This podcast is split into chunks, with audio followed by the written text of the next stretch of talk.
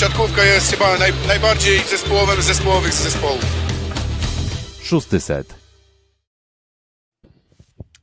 Jest już z nami mm, Janek Firlej, mm, szósty set, tradycyjnie już w tym sezonie z gościem, czy może tradycyjnie to za dużo powiedziane, bo czasem ci goście są, czasem nie ma, ale staramy się na tyle wam urozmaicić transmisję, żeby, żeby byli ciekawi goście. Mm, no i tak się czailiśmy na spotkanie z Jankiem już od jakiegoś czasu, z Jankiem Firlejem, w końcu się udało. Cześć Janek. Witam wszystkich, cześć chłopaki. Ja, jak widzicie, moja skromna osoba, Piotrek Złoch ze studia w Warszawie, no i jest też z nami... W Rzeszowie, Filip Korfanty, cześć. Mm, właśnie, no i mm, zacznę może od takiej tradycyjnej formułki na czasy covidowe, mm, czyli jak zdrowie w zespole, czy omijają Was infekcje, jakieś tam problemy natury właśnie covidowej, zarażeń, fala wznosząca, przypadków sporo, jak to u Was wygląda w, w AZS-ie Olsztyn? Tak, nie, no generalnie na razie wszystko e, można powiedzieć odpukać e, pod tym kątem jest ok, wiadomo jakieś tam przeziębienia, też z racji, pojawiają się też z racji z tego, jaki jest teraz okres, ale, ale radzimy sobie, nie ma tu jakichś e, wykluczeń, więc na ten moment jest ok.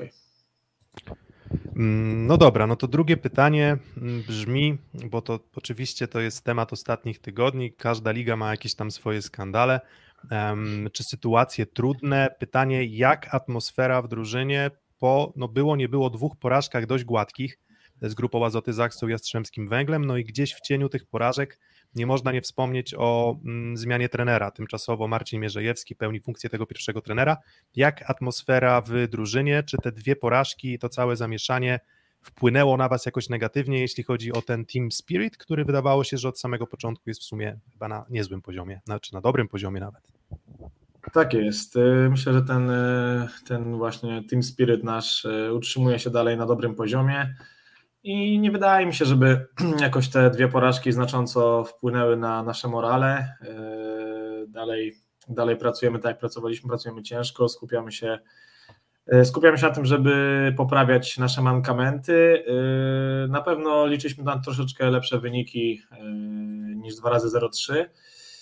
Aczkolwiek z drugiej strony myślę, że o ile ten mecz z Jastrzębiem jeszcze był dosyć, dosyć no taki jednostronny bym powiedział, może poza pierwszym setem. Tak, myślę, że ten mecz w Kędzierzynie, te dwa pierwsze sety naprawdę na niezłym poziomie siatkarskim e, stały. E, szkoda mega pierwszego seta w Kędzierzynie, bo wydaje mi się, że e, ja też nie lubię gdybać, ale wydaje mi się generalnie, że mogłoby to nam troszeczkę mm, ułatwić dalszy ciąg meczu. I wtedy nie wiadomo, ale ja generalnie wychodzę z założenia, że nie ma co gdybać i jakichś tam domysłów e, teraz się doszukiwać.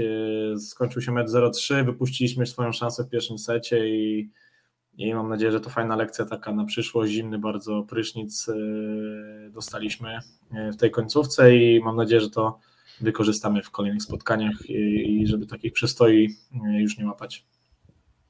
Do meczu z tak- Zaksą Dobra, dawaj, dawaj chwilę, bo tak z trenerem już teraz Marcinem Mierzejewskim. E, to była taka w sumie nagła zmiana, bo tak można powiedzieć, że dowiedzieliśmy się my jako osoby z zewnątrz właściwie rano, że będzie zmiana trenera w Olsztynie. Na razie Marcin Mierzejewski. Mieliście w sumie prawie tydzień czasu, żeby z trenerem Mierzejewskim popracować.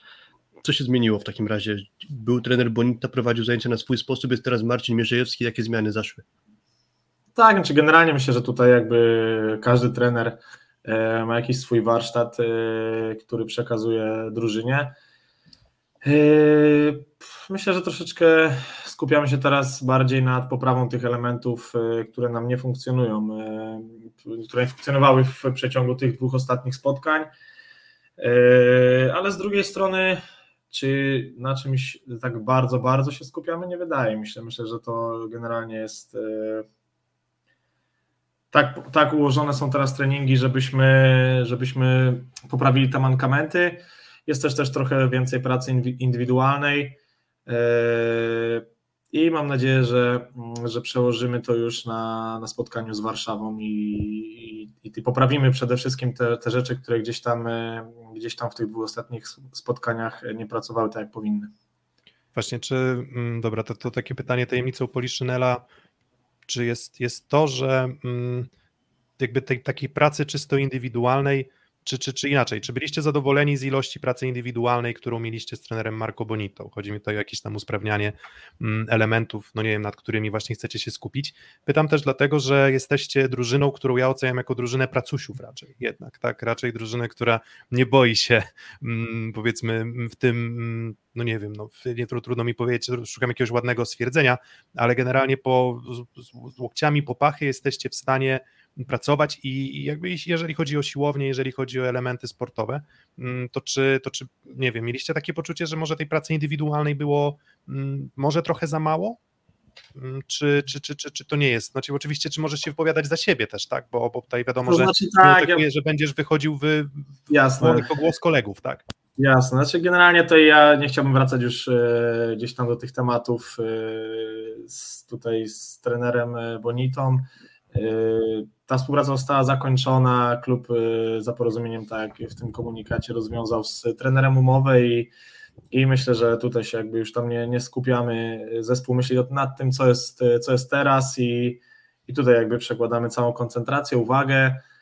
Y, tych treningów teraz jest na pewno y, indywidualnych że tak powiem, na każdej pozycji e, jest praca na siłowni, część e, po siłowni ma indywidualnie, część przed e, z chłopaków zajęcia, więc, więc myślę, że to wszystko jest na dobrych torach. Jakbyś wyjaśnił, gdyby ktoś Cię zapytał o potencjał drużyny z Olsztyna, czyli w czym Wy się możecie poprawić Twoim zdaniem? Hmm. Jeśli chodzi o potencjał, y, na pewno myślę, że y, mocne strony to gdzieś na pewno sideout, myślę, po takim pozytywnym przyjęciu. Myślę, że tutaj jesteśmy dosyć mocną ekipą i, i pokazaliśmy już to na przestrzeni tego początku sezonu, tej prawie połowy w sumie sezonu. Myślę, że na wysokiej piłce tutaj mamy, e, tutaj mamy troszkę więcej e, do, do popracowania, e, żeby tą ewentualnie skuteczność, ewentualne te błędy, które się pojawiają, zminimalizować. Myślę, że tak na szybko tutaj myśląc, to ten element najbardziej. Wysoka piłka. Myślę, że też mamy fajny potencjał na zagrywce. Jeśli, jeśli trafimy dobry dzień w tym elemencie, to jesteśmy bardzo groźnym zespołem na zagrywce, według mnie. E, I myślę, że na pewno przy tym e, współpraca e, blok obrona i wysoka piłka to są dwa takie elementy, moim osobiście zdaniem, gdzie myślę, że mamy największe jeszcze rezerwy, które możemy poprawić i pokazać, że potrafimy w tych dwóch elementach grać lepiej.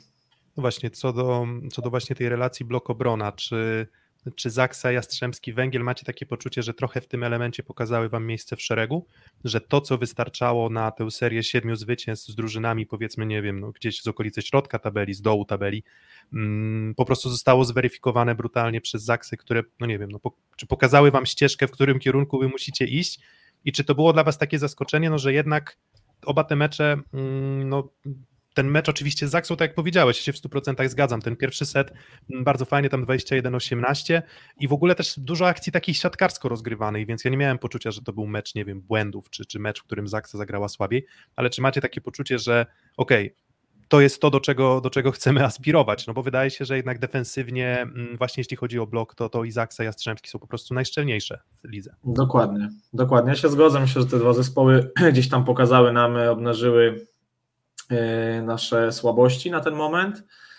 Na pewno chcemy aspirować. E, też trzeba pamiętać, że jednak my jesteśmy nowym zespołem e, i tak naprawdę mieliśmy pierwsze takie sytuacje, gdzie ktoś nas mocniej przyparł do muru. Myślę, że w tym sezonie i tego też się musimy nauczyć, jak reagować pod taką presją, gdzie rywal gra naprawdę na dobrym poziomie. Nie wszystko się układa tak, jakbyśmy chcieli, albo się nie układa i trzeba potrafić znaleźć sobie z tej sytuacji wyjście jako zespół y, i myślę, że to jest ogromna też ogromny atut Zaksy, że oni mają ten, ten filar zespołu praktycznie niezmieniony od kilku sezonów i znają się w różnych chwilach i wiedzą nawet gdzie Y, są w gorszych y, momentach, wiedzą na co mogą, na co ich stać, y, jak sobie pomagać na boisku w takich chwilach, kto na co może liczyć od kolegi na boisku. Myślę, że to jest mega duży atut chłopaków z Kędzierzyna, a my myślę, że tego się teraz będziemy musieli nauczyć jak najszybciej, mam nadzieję i no bo taka prawda, że do tej pory chyba nie było takiego meczu, żeby ktoś nas tak przyparł. Tam, okej, początek sezonu, ale tam też różne jeszcze problemy zdrowotne były. Nie byliśmy takiej pełnej dyspozycji swojej, natomiast myślę, że po tych no, powiedzmy, powiedzmy serii zwycięstw, siedmiu zwycięstw rzędu, to nie było takiego meczu, żeby ktoś nas aż tak przyparł. Ale moim zdaniem z drugiej strony to dobrze, że na tym etapie sezonu ktoś potrafił nam właśnie tak mocno pokazać, że dobrze się zderzyliśmy w ogóle z, takim, z, takim, z taką ścianą też chłodny prysznic to może nie jest dobre słowo, bo myślę, że tutaj nikt głowy w chmurach nie nosił, ale właśnie takie pokazanie tych naszych mankamentów i tego, że będą takie chwile na pewno w tym sezonie jeszcze, że trzeba będzie sobie znaleźć rozwiązanie na już na teraz e, na boisku. I musimy do tego jako zespół dorosnąć, dojrzeć i znaleźć sobie, znaleźć sobie w takich momentach właśnie tą, tą drogę, y, żeby odwracać ewentualne właśnie słabsze momenty, y, słabsze sety i, i żeby potrafić odwracać też y, wyniki meczów. To musimy się tego nauczyć na pewno. Mm, właśnie, bo to jest też trochę tak, że spora część tych spotkań mm, szła po prostu dobrze, tak? W tej serii, mm, powiedzmy, od tego meczu ze Scroll to w zasadzie aż takiej bardzo trudnej sytuacji nie mieliście. No wyciągnęliście mecz z Radomiem oczywiście, wyciągnęliście tam 1-2 z Nysą, ale, ale, ale jednak to, to, to są sytuacje no na pewno nie aż takie trudne, jak po prostu takie przytło, taka przytłaczająca przewaga rywala, jaką no, część przynajmniej fragmentami miała miejsce w meczach z tą grupą Azoty Saksą, Jastrzębskim, Węglem. Na czacie odpaliłem ankietę, więc zobaczymy, które miejsce AZS zajmie w tym sezonie. 1, 3, 4, 6, 7, 8. To tak byś ty miał odpowiedzieć, Janek, jednym przydziałem. Mm, zobaczymy, czy to się potwierdzi z tym. Mm, z, Ojej. z naszymi y, słuchaczami.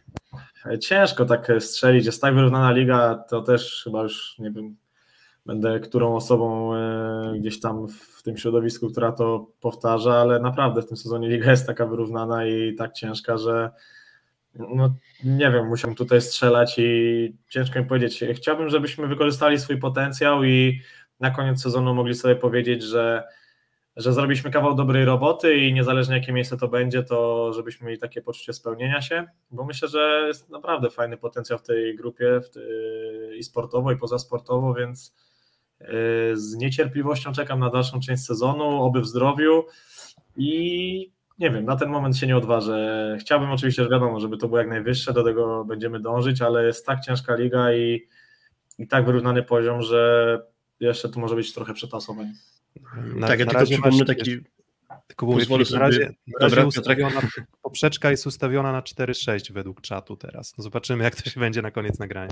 Okej, okay. znaczy ja też... Yy ja też mówiłem w wywiadach w tych pomeczowych w trakcie tych, w tej serii siedmiu zwycięstw, żeby nie popadać też w hura optymizm i tak samo jak teraz powiedzmy gdzieś tam te dwa mecze po 0-3 się trafiły, to też jestem bardzo daleki od tego, żeby tu mówić, że nie wiem, jakieś problemy, zastój kompletny brak jakiejś tam, nie wiem, formy czy cokolwiek.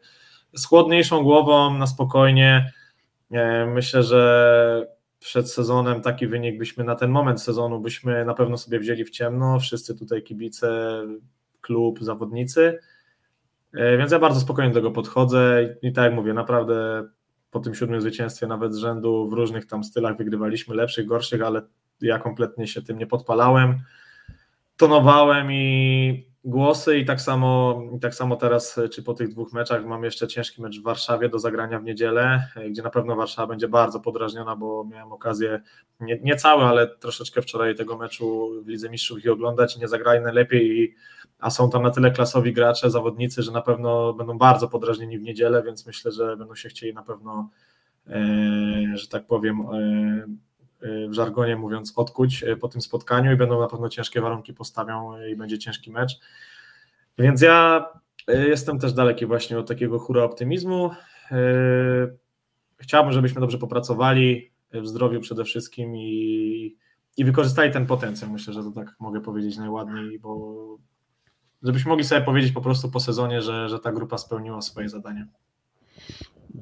Powiedziałeś przedtem o tym, że chcecie między innymi poprawić swoją grę na sideoutie przy pozytywnym przyjęciu i później też powiedziałeś o wysokiej piłce. W związku z tym mam pytanie o dwóch zawodników. Pierwszy to jest Robert Andringa. Jak ty się czujesz z tym, jak on jest w pierwszej linii i masz niezbyt wygodną piłkę do rozegrania, czyli trzeba trochę piłkę podwyższyć i jest akurat Andringa w pierwszej linii.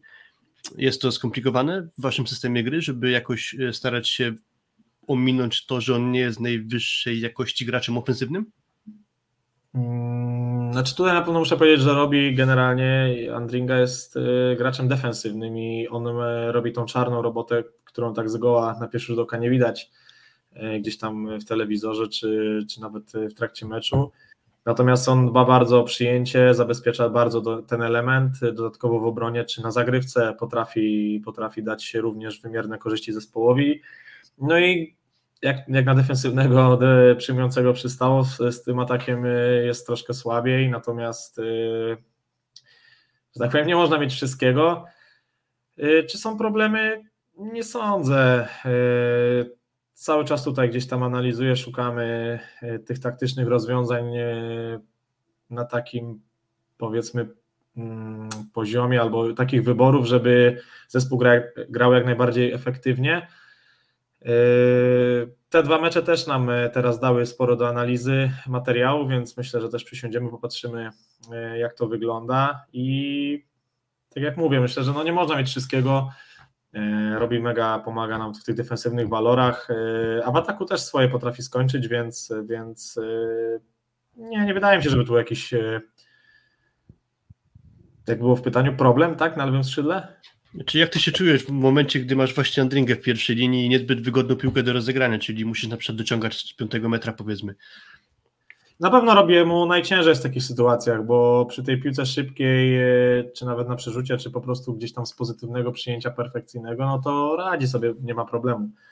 E, myślę, że tutaj część więcej e, tych piłek i tak ląduje w takich sytuacjach do Karola Butryna i on gdzieś tam musi się wykazywać wtedy swoją nominalną pozycją atakującego. E, nie, nie czuję się jakoś niepewnie czy zakłopotany. Myślę, że to wszystko mm, da się rozłożyć. E, pracujemy też ze sztabem nad tym, żeby to jak najlepiej rozkładać w różnych sytuacjach i myślę, że tej pory było nieźle. Teraz mówię, te dwa mecze dały troszeczkę więcej analizy, do, do analizy, więc e, myślę, że też to weźmiemy pod uwagę i, i tak to wszystko będziemy się starali układać, żeby grało i hulało.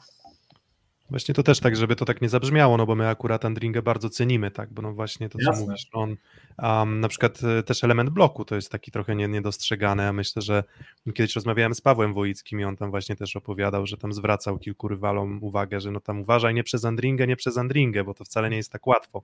No i nie jest tak łatwo wcale, więc ten element bloku i zagrywki i przyjęcia, no i obrony też, no to, to w zasadzie wszystko, e, wszystko działa. Mm, to drugie pytanie jeszcze, wiesz, do, mm, do takiej, nie wiem, powiedzmy skuteczności zespołowej, to tak zwróciłem uwagę, że mm, początek sezonu miałeś świetny, jeśli chodzi o współpracę z Mateuszem Porębą, potem trochę to, troszeczkę to zjechało, odnaleźliście to w sumie w meczu z Jastrzębskim Węglem, ale z Taylorem Evrilem jest tak różnie właśnie, czy, czy, już, się, czy już się docieracie, jeśli chodzi o, o też wysokość piłki, kierunek, e, czy, czy, czy tempo rozegrania, czy też warianty mm, tej krótkiej, bo, mm, bo, bo, bo jakby on nie popełniał dużo błędów, ale jednak nie był bardzo skuteczny, tak? I zastanawiam się właśnie, czy to jest coś, nad czym pracowaliście, może, mm, może nieco więcej, biorąc pod uwagę nawet też to, że Taylora po prostu nie było przez jakiś czas z uwagi na kontuzję. Dokładnie. E, no tutaj właśnie to zdrówko Taylora niestety w tym, w tym roku coś tam e, mu ciągle dokucza i to jest myślę taki naj... No, myślę, że główny powód tego, że nie możemy tyle popracować e, nad, nad tym po prostu elementem zgrania, ile byśmy chcieli, bo tak naprawdę też przyjechał do nas później niż na początku przygotowań, troszkę, troszkę tam żeśmy złapali wspólnego języka i potem jakieś te problemy się zaczęły u niego odzywać I wiem, że on też jest tym mega sfrustrowany, yy, bo do tej pory mówi, że tam poza jakimiś tam drobniejszymi i chyba jedną, chyba jedną poważniejszą kontuzją to nic mu się nie działo, ale, ale był w stanie. No, no, zresztą dużo nie trzeba mówić, zeszły sezon MVP, tak, Ligi Francuskiej, więc no, nie trzeba więcej dodawać. A tutaj myślę, że to jest taki główny czynnik, gdzie brakuje nam po prostu tych e, odbić wspólnych. E, a Taylor oczywiście tak, jest charakterystyka, no bardzo szybko chodzi, piłkę pod rękę tak naprawdę trzeba rzucić, e, więc, więc to zgranie jest troszeczkę cięższe. Mam nadzieję, że jak tylko doprowadzą go tutaj do, do pełnej sprawności, to tak, żeby się czuł na 100%, to myślę, że to zgranie złapiemy i, i będzie fajnie. Mówisz o tym zgraniu, trochę chciałbym też wrócić do pierwszego meczu sezonu, czyli ten mecz rysował 0 do 3 przegrany, to był trochę jakby wyjęty przed nawias tego, co się działo później. Bo potem mieliście tiebreak przegrany, ok, ale tiebreak ze Scroll, po czym ta seria siedmiu wygranych. Co takiego się z tą Rysowią wydarzyło, że tak słabo ten mecz wyglądał i czy możesz też o swojej sytuacji zdrowotnej z tego meczu coś wspomnieć? Yy, tak, to znaczy, szczerze powiedziawszy, poza jakimiś tam samej sportowej e, strony, to już tak nie za bardzo pamiętam też. E, mhm. Nie rozpamiętuję aż tak bardzo odległych meczy.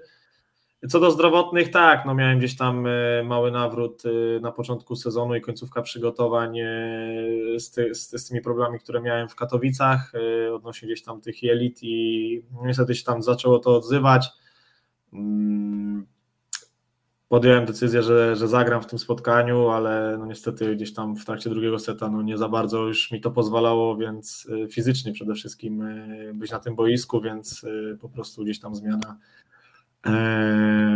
na ten, na ten trzeci set i Karol Jankiewicz dał bardzo fajną zmianę, niestety kurczę nie udało się tam nic wywalczyć, ale na ten moment już jest naprawdę duża, duża poprawa Chciałbym, żeby to już e, tylko szło w tą lepszą stronę, albo się mm, przynajmniej nie, nie cofało i myślę, że będzie wszystko ok.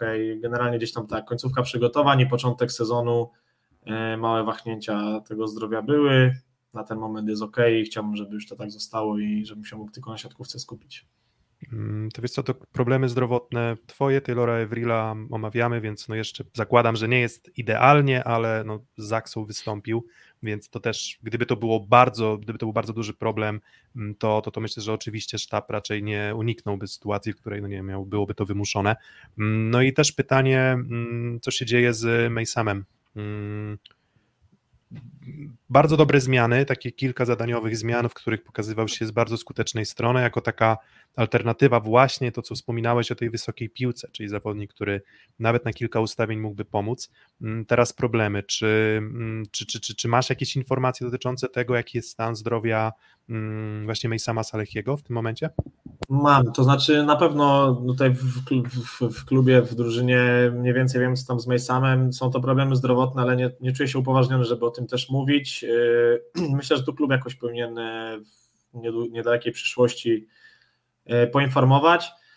Yy, tak, jeśli chodzi o tą alternatywę na wysokiej piłce, na pewno Mason dawał, e, pokazał, że potrafi dać mega odejście w tym elemencie, e, w elemencie ataku. E, jest gdzieś tam zawodnikiem o kompletnie innej charakterystyce niż chociażby Robi, którego najczęściej zmieniał. I jest to zawodnik typowo ofensywny, wyskakany, z fajnym zasięgiem, z dobrym blokiem i bardzo mocny w ataku. I faktycznie z tych piłek ściągniętych z pola gdzieś tam no, potrafił nawet na tym potrójnym bloku sobie radzić.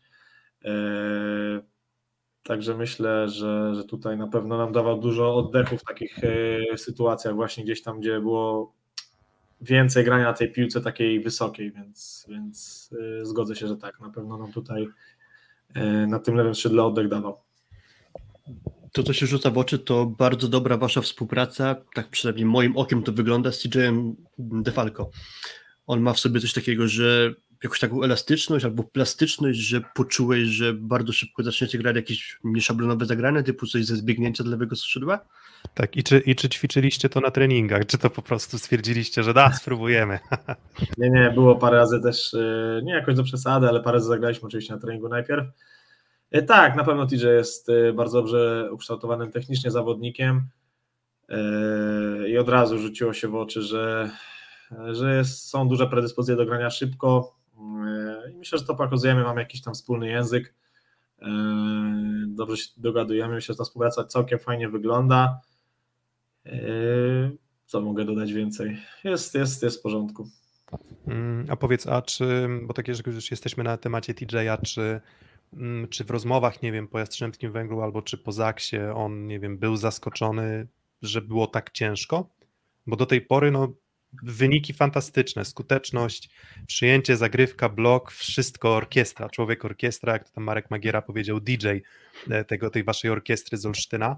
Mm, no i właśnie, czy, czy, czy, czy, czy on jakoś tak, nie wiem, poczuł się, no trudno, trudno mówić, że przybity, no bo taka rola sportowca, no że większość spotkań, mm, znaczy może nie większość, ale zawsze te porażki się przytrafiają.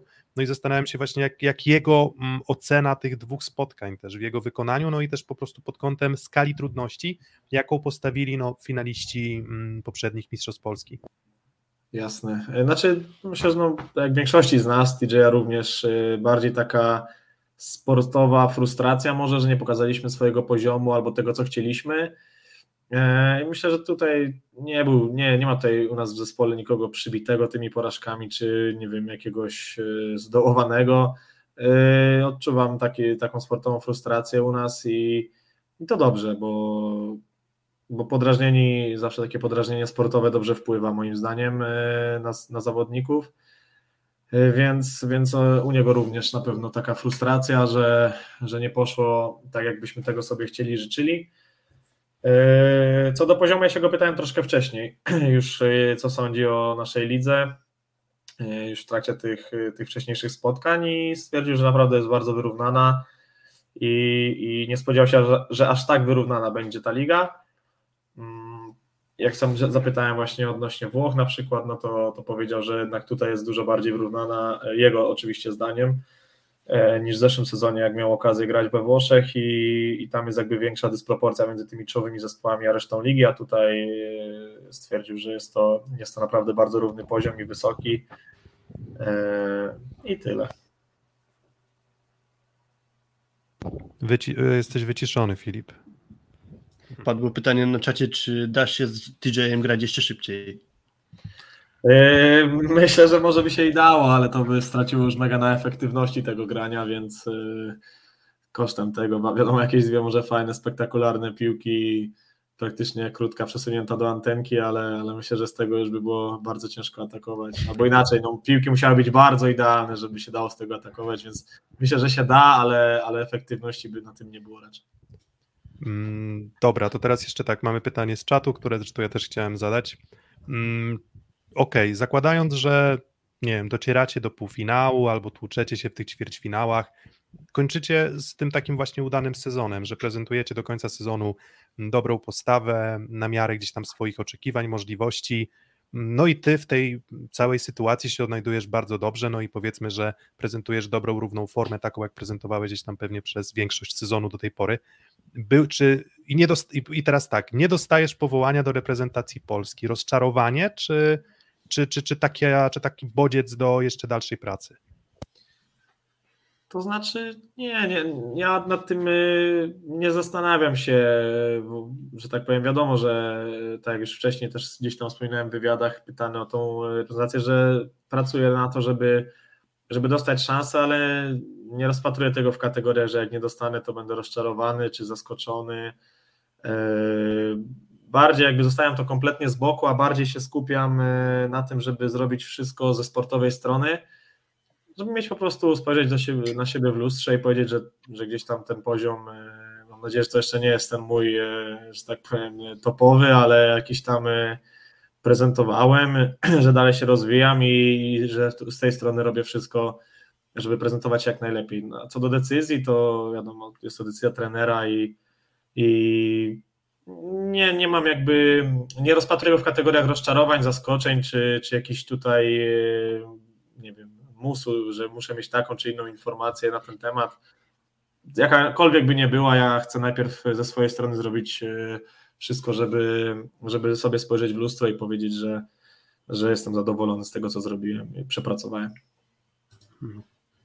Jakiś czas temu, w 2016 roku, bo tak sobie przeglądałem to, co mówiłeś w wywiadach, e, trener Piotr Gruszka powiedział takie zdanie po tym, jak e, ograliście ich 3 do 2, jeszcze jak byłeś w Warszawie.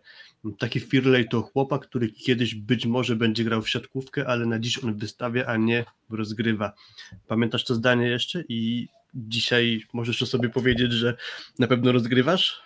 E, to znaczy, ja tego zdania do końca nie pamiętam sytuację, e, bo tam jakieś. E, pamiętam, że jakiś chyba list od kibiców potem poszedł, coś takiego. Pamiętam sytuację po meczu, tak jak to było w Katowicach. Był to mój że drugi mecz za Pawła Zagumnego. Pierwszy był u siebie z Kędzierzynem, tak, i drugi był w Katowicach. I faktycznie nie był to mój dobry mecz, e, ale to był ten okres, w którym myślę, że, który myślę, że dał mi najwięcej do tej pory, do takiego doświadczenia, ale przede wszystkim z tej strony właśnie radzenia sobie w takich sytuacjach. E, oczywiście to tego się cały czas uczę. No nie chcę powiedzieć, że tu już mam za sobą, czy tam już to ogarnąłem, ale, ale był taki duży krok w tych momentach, jak nie idzie, a nie było zmiennika, bo, bo czekał klub na gumę, aż się tam wyleczy, więc nie robili transferu medycznego, więc grałem sam. No i nie zawsze było kolorowo i wiadomo, jak szło to szło, super ekstra fajnie, wygrywaliśmy tam czasami chyba ze Skrą się udało, ze Strzemskim, więc były tam naprawdę ciekawe, fajne spotkania, ale były też w tą drugą stronę, że z teoretycznie słabszymi zespołami przegrywaliśmy i wtedy właśnie no nie było różowo, a trzeba było sobie znaleźć yy, drogę jak się wykaraskać. Nie, nie zawsze się to udawało, nie było to łatwo, ale, ale miałem na to trzy miesiące, więc, y, więc y, myślę, że ten okres dużo mi dał. Pamiętam tą sytuację zdania do końca nie. Y, czy na ten moment? Myślę, że nie, że w 25 lat to wciąż jest na rozgrywającego młody wiek. Wciąż mam nadzieję, że, że, że, że dalej, dalej będę się rozwijał i chciałbym wykorzystać cały potencjał swój, jaki mogę. E, czuję, że, że jeszcze mam, mam rezerwy e, w różnych elementach i jak to zdrowie nie będzie przeszkadzało i będzie gdzieś tam po mojej stronie, to, to mam nadzieję, że, że będę się dalej rozwijał. E, ale na ten moment ja na pewno jeszcze nie powiem, że jestem jakimś rozgrywającym z jakiejś tam, jak to się mówi, z prawdziwego zdarzenia, ale dążę do tego, żeby takim być. W takim razie pytanie z podobnej półki, bo też jak czytałem wywiady z tobą, to się rzuca w oczy, że ty nie nazywasz tego, że masz siatkarską karierę, tylko masz siatkarską przygodę. Teraz pytanie, to kiedy ty powiesz, że masz siatkarską karierę? Jak będą jakieś osiągnięcia, które będę, dzięki którym będę mógł tak nazwać, na, na ten moment jakichś poważniejszych osiągnięć nie, nie mam jeszcze na swoim koncie. I myślę, że wtedy, wtedy dopiero bym mógł powiedzieć, że mam karierę. Na ten moment myślę, że to jest przygoda, e, która się całkiem fajnie rozwija, ale jednak wciąż to jest przygoda i, i chciałbym, żeby te osiągnięcia przyszły i robię wszystko właśnie w tym kierunku, żeby, żeby tak było. Mm, pytanie z czatu i też jakby myślę pytanie, które dobrze się wpisuje w tę dyskusję na temat gdzieś też rozwoju. Hmm, jakiś konkretny element siatkarski, który chciałbyś rozwinąć i tutaj coś, co mi się nasuwa, no to jednak, hmm, nie wiem, może rozegrania z piłek odsuniętych dalej od siatki, bo mm, tak, nogi, okay, czyli trafi, trafiłem, tak, że, że, że, że wszystko, wszystko jest fajnie przy dobrym przyjęciu, gdy jest komfort gry, a jednak trochę trudniej to wygląda, gdy nie wiem, no trzeba grać, nie wiem, to dla mnie to Lukas Kampa na przykład jest takim przykładem zawodnika, który doskonale sobie radzi z tych piłek właśnie, nie wiem, z trzeciego, czwartego metra. Nie wiem, Marcin Janusz Bentoniutti właśnie, jak oceniasz siebie w tym aspekcie, no i czy są jakieś mhm. inne elementy? Znaczy do trzeciego, czwartego ja bardziej to w kategoriach rozpatruję jeszcze dalej, tam gdzieś piłka na piątym metrze, szóstym, y, bo tak naprawdę piłki przy, dograne z parabolą przy siatce, no to nie wiem, czy w Plus Lidze jest jakiś y, rozgrywający, który by jakoś odstawał mega w tym elemencie. Myślę, że to jest taki takie minimum y, na tym poziomie, więc skupiam się na, te, na pracy na tych piłkach właśnie gdzieś tam dalej do, od siatki, Tutaj myślę, że to jest taki w trybie pilnym, jak tu tak widzę właśnie na, na czacie, tak, pytanie. E, ta praca na nogach, bo jednak e, im dłużej gram, tym bardziej widzę, jak, jak ważne są nogi u rozgrywającego. E, I tutaj myślę, że to jest takie, to jest element gdzieś tam, na którym, który mam największe rezerwy na ten moment. Oczywiście są jeszcze inne, ale, ale tutaj myślę, że najbardziej, jakby najszybciej mogę zrobić spory krok do przodu pod tym kątem. Hmm, powiedziałeś o tym, że im dłużej grasz, tym bardziej widzisz, jak ważna jest ta praca nóg w przypadku rozgrywającego. Hmm, ostatnim razem rozmawialiśmy z Grzegorzem Pająkiem i on powiedział też takiego, że dopóki nie trafił do Zaksy i nie zaczął pracować z Ferdinando de Giorgim, to on sobie nie zdawał sprawy, jak on to powiedział, że siatkówka jest aż takim sportem, czyli w wolnym moim rozumieniu, że to jest aż tak, aż tak skomplikowany sport. Czy ty miałeś jakiś taki etap w swojej karierze, że ktoś ci otworzył oczy, że jeszcze w takim aspekcie możesz y, patrzeć na siatkówkę, takie coś warto zauważyć jeszcze, taki jakiś jeden konkretny moment jest, czy to tak jakaś taka ciągłość po prostu następuje u ciebie? W mojej przygodzie. W twojej przygodzie, tak, jak już ustaliliśmy. E, tak, myślę, że był e, na pewno taki moment przełomowy też u Stefana Antigi w Warszawie, gdzie paradoksalnie mówiąc, e, grałem najmniej chyba z tych wszystkich lat e, do tej pory, a wydaje mi się, że obok tego sezonu, gdzie grałem e, przy kontuzji Pawła Zagumnego, to zrobiłem taki dosyć spory przeskok też taktyczny, bo u Stefana jednak duży był na to nacisk kładziony. Były indywidualne też wideo na pozycjach i gdzieś tam myślę, że dosyć sporo nowych rzeczy. No ja wtedy jeszcze wciąż jestem oczywiście młody, znaczy młody, no jak na, na swojej pozycji chodzi mi 25 lat na rozegraniu. Natomiast już wtedy jakby otworzył mi oczy na wiele elementów, których nawet aż tak nie przykładałem wagi, czy, czy nie sądziłem, że, że mogą przynosić takie wymierne korzyści. Oczywiście byłem też sporo młodszy. E, natomiast myślę, że tam taki odczułem ja osobiście duży dosyć przeskok pod tym kątem taktycznym właśnie.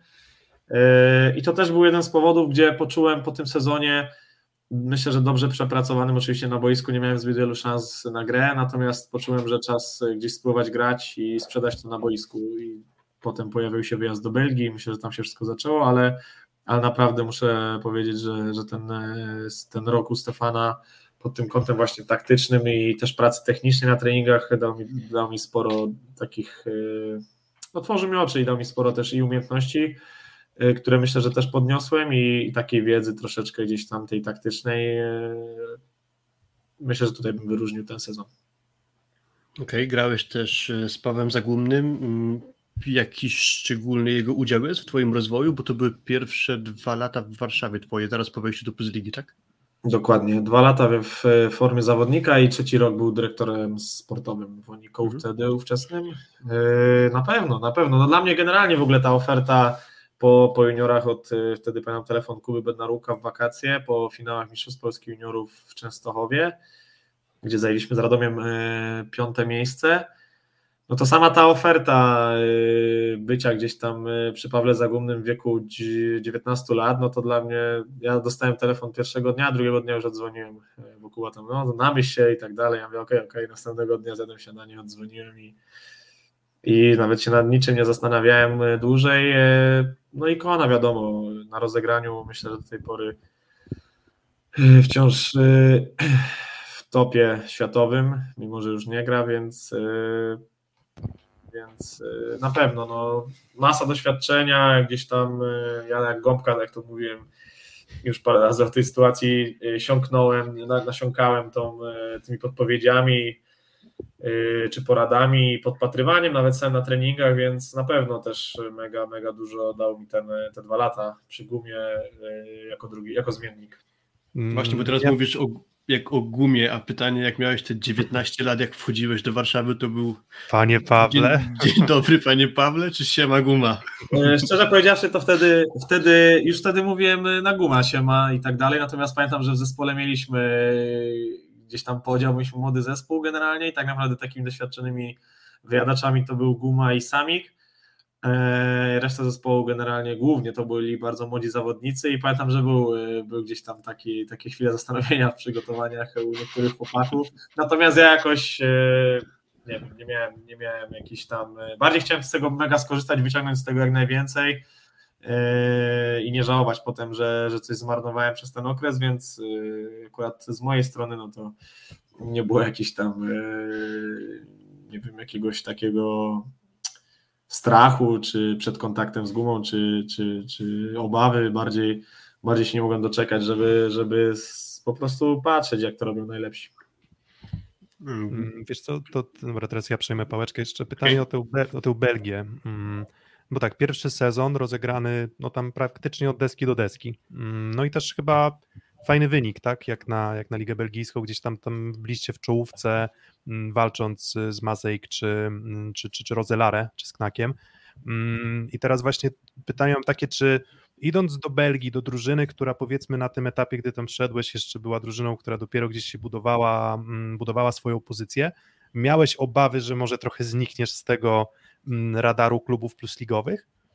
No bo poszedłeś tam grać, super, grasz, no i właśnie, i co dalej, tak? W sensie, czy, czy, czy, czy miałeś jakiekolwiek wątpliwości co do tego ruchu?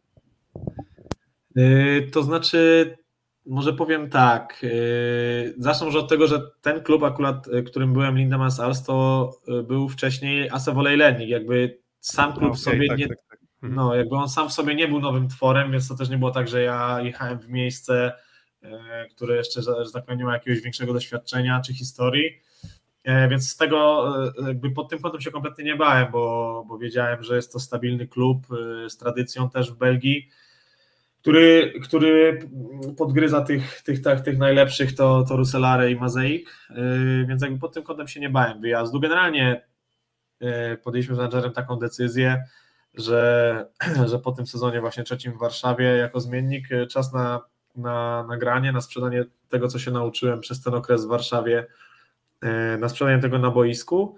A ja też powiedziałem do menadżera, że nie boję się żadnego wyjazdu, oczywiście, żeby poziom siatkarski był, e, był dostosowany, żeby mógł grać oczywiście i, e, i żeby był tam potencjał, natomiast nie było obaw przed jakimkolwiek wyjazdem, więc z mojej strony ja byłem gotowy na wszystko. A co do pytania o radary klubów plus ligi, ja w tamtym momencie kompletnie o tym nie, nie myślałem. Ja chciałem jechać, sprzedać e, to, co potrafię na boisku i zacząć gdzieś tą e, ścieżkę grającego, rozgrywającego, a no jednak na tej pozycji, jak na, oczywiście jak na każdej, ale szczególnie na tej moim zdaniem, e, najważniejsze to jest doświadczenie z boiska, bo, bo na treningach można różne rzeczy sobie trenować, natomiast boisko to jest kompletnie inna, inna rzecz. Miałem okazję jeszcze właśnie w tym drugim sezonie przy kontuzji gumy się o tym przekonać i, i myślę, że był to bardzo dobry ruch. Yy, ja pojechałem tam z nastawioną głową na siatkówkę tylko i wyłącznie. Yy, chciałem, chciałem się dobrze pokazać i przede wszystkim sprzedać to, czego się nauczyłem przez te trzy lata w Warszawie. Yy, I tak jak mówię, kompletnie nie myślałem o tym, co będzie po sezonie, gdzie trafię, kiedy wrócę, czy wrócę. Ze, kompletnie zero na ten temat myśli, bardziej na to, żeby już tam jechać. Nie mogłem się doczekać po podpisaniu kontraktu, tak naprawdę. W wakacje wtedy jeszcze zagraliśmy z Jankiem Królem cały sezon na piachu, żeby być dobrze przygotowanym, jak tam pojadę na początku i pokazać, że, że bardzo, bardzo mi zależy, żeby ten sezon nam dobrze wyszedł i myślę, że to też jeszcze kolejna część pytania, że fajne wyniki, tak, zgodzę się, był to dobry sezon dla, dla klubu, klub był bardzo zadowolony, my osiągnęliśmy tam trzecie miejsce w lidze, z lekkim niedosytem na to patrzę z perspektywy czasu, ale ale jednak. Medal jest, pierwszy medal jest, prawda? Dokładnie, dokładnie, medal jest. Natomiast też nie ma co ukrywać, że Liga Belgijska jednak nie jest aż tak wyrównaną ligą. Ja już tutaj nie, nie mówię o poziomie, bo to nie ma co porównywać po belgijskiej ligi do plus ligi. Chodzi mi jako całokształt ligi nie jest aż tak wyrównaną i, i jednak te trzy, wtedy jak ja byłem trzy czwarty zespół też jeszcze taki u siebie był bardzo groźny, natomiast reszta jak ja byłem, było 10 zespołów w lidze, no to te zespoły z miejsc 5-10 jednak odstawały zdecydowanie poziomem, natomiast z drugiej strony jednak patrząc, było bardzo dużo grania na różnych frontach, były też europejskie puchary i tak jak mówię, właśnie tutaj trzecie, trzecie miejsce w lidze, eee, troszeczkę rozochoceni byliśmy, bo zaczęliśmy playoffy od zwycięstwa za trzy punkty z Rozelare u siebie, Yy, i bardzo był to Mam, dobry Mamy pomysł. ich, mamy ich. Dokładnie, dokładnie, bo tam system był, yy, nie wiem jaki jest teraz, ale jak ja byłem, yy, było tak, że chyba pierwsze cztery zespoły grały playoffy, każdy z każdym leci rewanż. Ale to, co ugraliśmy z Rozelare, to wtedy przegraliśmy za trzy punkty na wyjeździe z tym czwartym wtedy Menen i wszystko się zrównało niestety, więc cały ten handicap zmarnowaliśmy z perspektywy czasu, ale, ale myślę, że nie ma co też tego tak w ten sposób rozpamiętywać. Natomiast podsumowując to tak, było trzecie miejsce w lidze, był wygrany Puchar Ligi, bo tam w Belgii jest jakby i Puchar Ligi i Puchar Belgii. W Pucharze Belgii z kolei graliśmy w finale i to było dla mnie z tego sezonu chyba najfajniejsze przeżycie, bo taką ciekawostką y, jest to, że ten finał, i to już chłopaki mnie uczulali właśnie, jak już się dostaliśmy do tego finału, że, że to będzie mega impreza z pompą, że po prostu jest to takie święto. Y, i różni się generalnie od tych meczy na co dzień w Belgii, E, bo gdzieś tam oczywiście są, są kibice, natomiast e, ta atmosfera, e, no nie chcę powiedzieć, że piknikowa jakaś, ale jest taka raczej spokojniejsza, ci kibice się bardziej cieszą samym wydarzeniem tego meczu niż, niż tam jakoś mega dopingiem, oczywiście kibicują i tak dalej, ale nie jest to tak żywiołowe, jak u nas mamy kluby kibica, czy generalnie kibiców w Polsce. A na finale Pucharu Belgii wszystko się to odmienia i, i po prostu jest to z taką pompą zrobione. My graliśmy przy, na, w największej hali w Belgii yy, było na tym meczu 12 tysięcy ludzi. E, sama oprawa tego meczu i to, jak w ogóle to było przygotowane, to, to na mnie zrobiło naprawdę fajne, bardzo fajne, mega wrażenie na tamten moment, bo samo to, że przy tych ludziach e, zgasło nagle całe światło, był taki jeden podest, e, dosyć duży na, na takim wzniesieniu, gdzie zapalała się jedna taka wielka lampa, reflektor i zawodnicy po kolei wybiegali, była krótka jakaś tam na billboardzie przedstawienie zawodnika i gdzieś tam się przebiegało, wokół takiego właśnie tego Pucharu Belgii stawała jedna drużyna z jednej, druga z drugiej, tak po kolei każdy zawodnik z obydwu drużyn wybiegał, więc jakby z mega pompą do tego jakieś tam ja akurat dobrze nie pamiętam, bardziej rodzina, rodzice, którzy byli z siostrą na meczu, gdzieś tam w przerwach setów też jakieś tam cudy nie widy, jakieś tam tańce na jednokołowych rowerach, coś tam jakiś linach latał, coś, ognie strzelały, także... Siatkarskie, belgijskie Super Bowl. Naprawdę, szczerze powiedziawszy, że e, muszę powiedzieć, że zrobiło to wielkie wrażenie, ja tych, tych akurat e, sztuczek gdzieś tam w trakcie meczu nie, nie oglądałem, bo byliśmy skupieni bardziej na spotkaniu. E, również dobrze zaczęliśmy ten mecz, ale jednak 3-1 pokonało nas Roselare i wtedy muszę przyznać, że zdecydowanie doświadczeniem nas i takim ograniem nas tam porobili, kolokwialnie mówiąc, bo my wyszliśmy z takim naładowaniem, tak dobrze byliśmy e, w tym pierwszym secie dysponowani, że chyba do 17 wygraliśmy, natomiast oni przeczekali te nasze dobre momenty i potem nas spokojnie wypunktowali. E, doświadczeniem nas ograli zdecydowanie ten mecz, ale, ale to zrobiło, pamiętam właśnie całe wydarzenie na mnie mega, mega fajne e, wrażenie.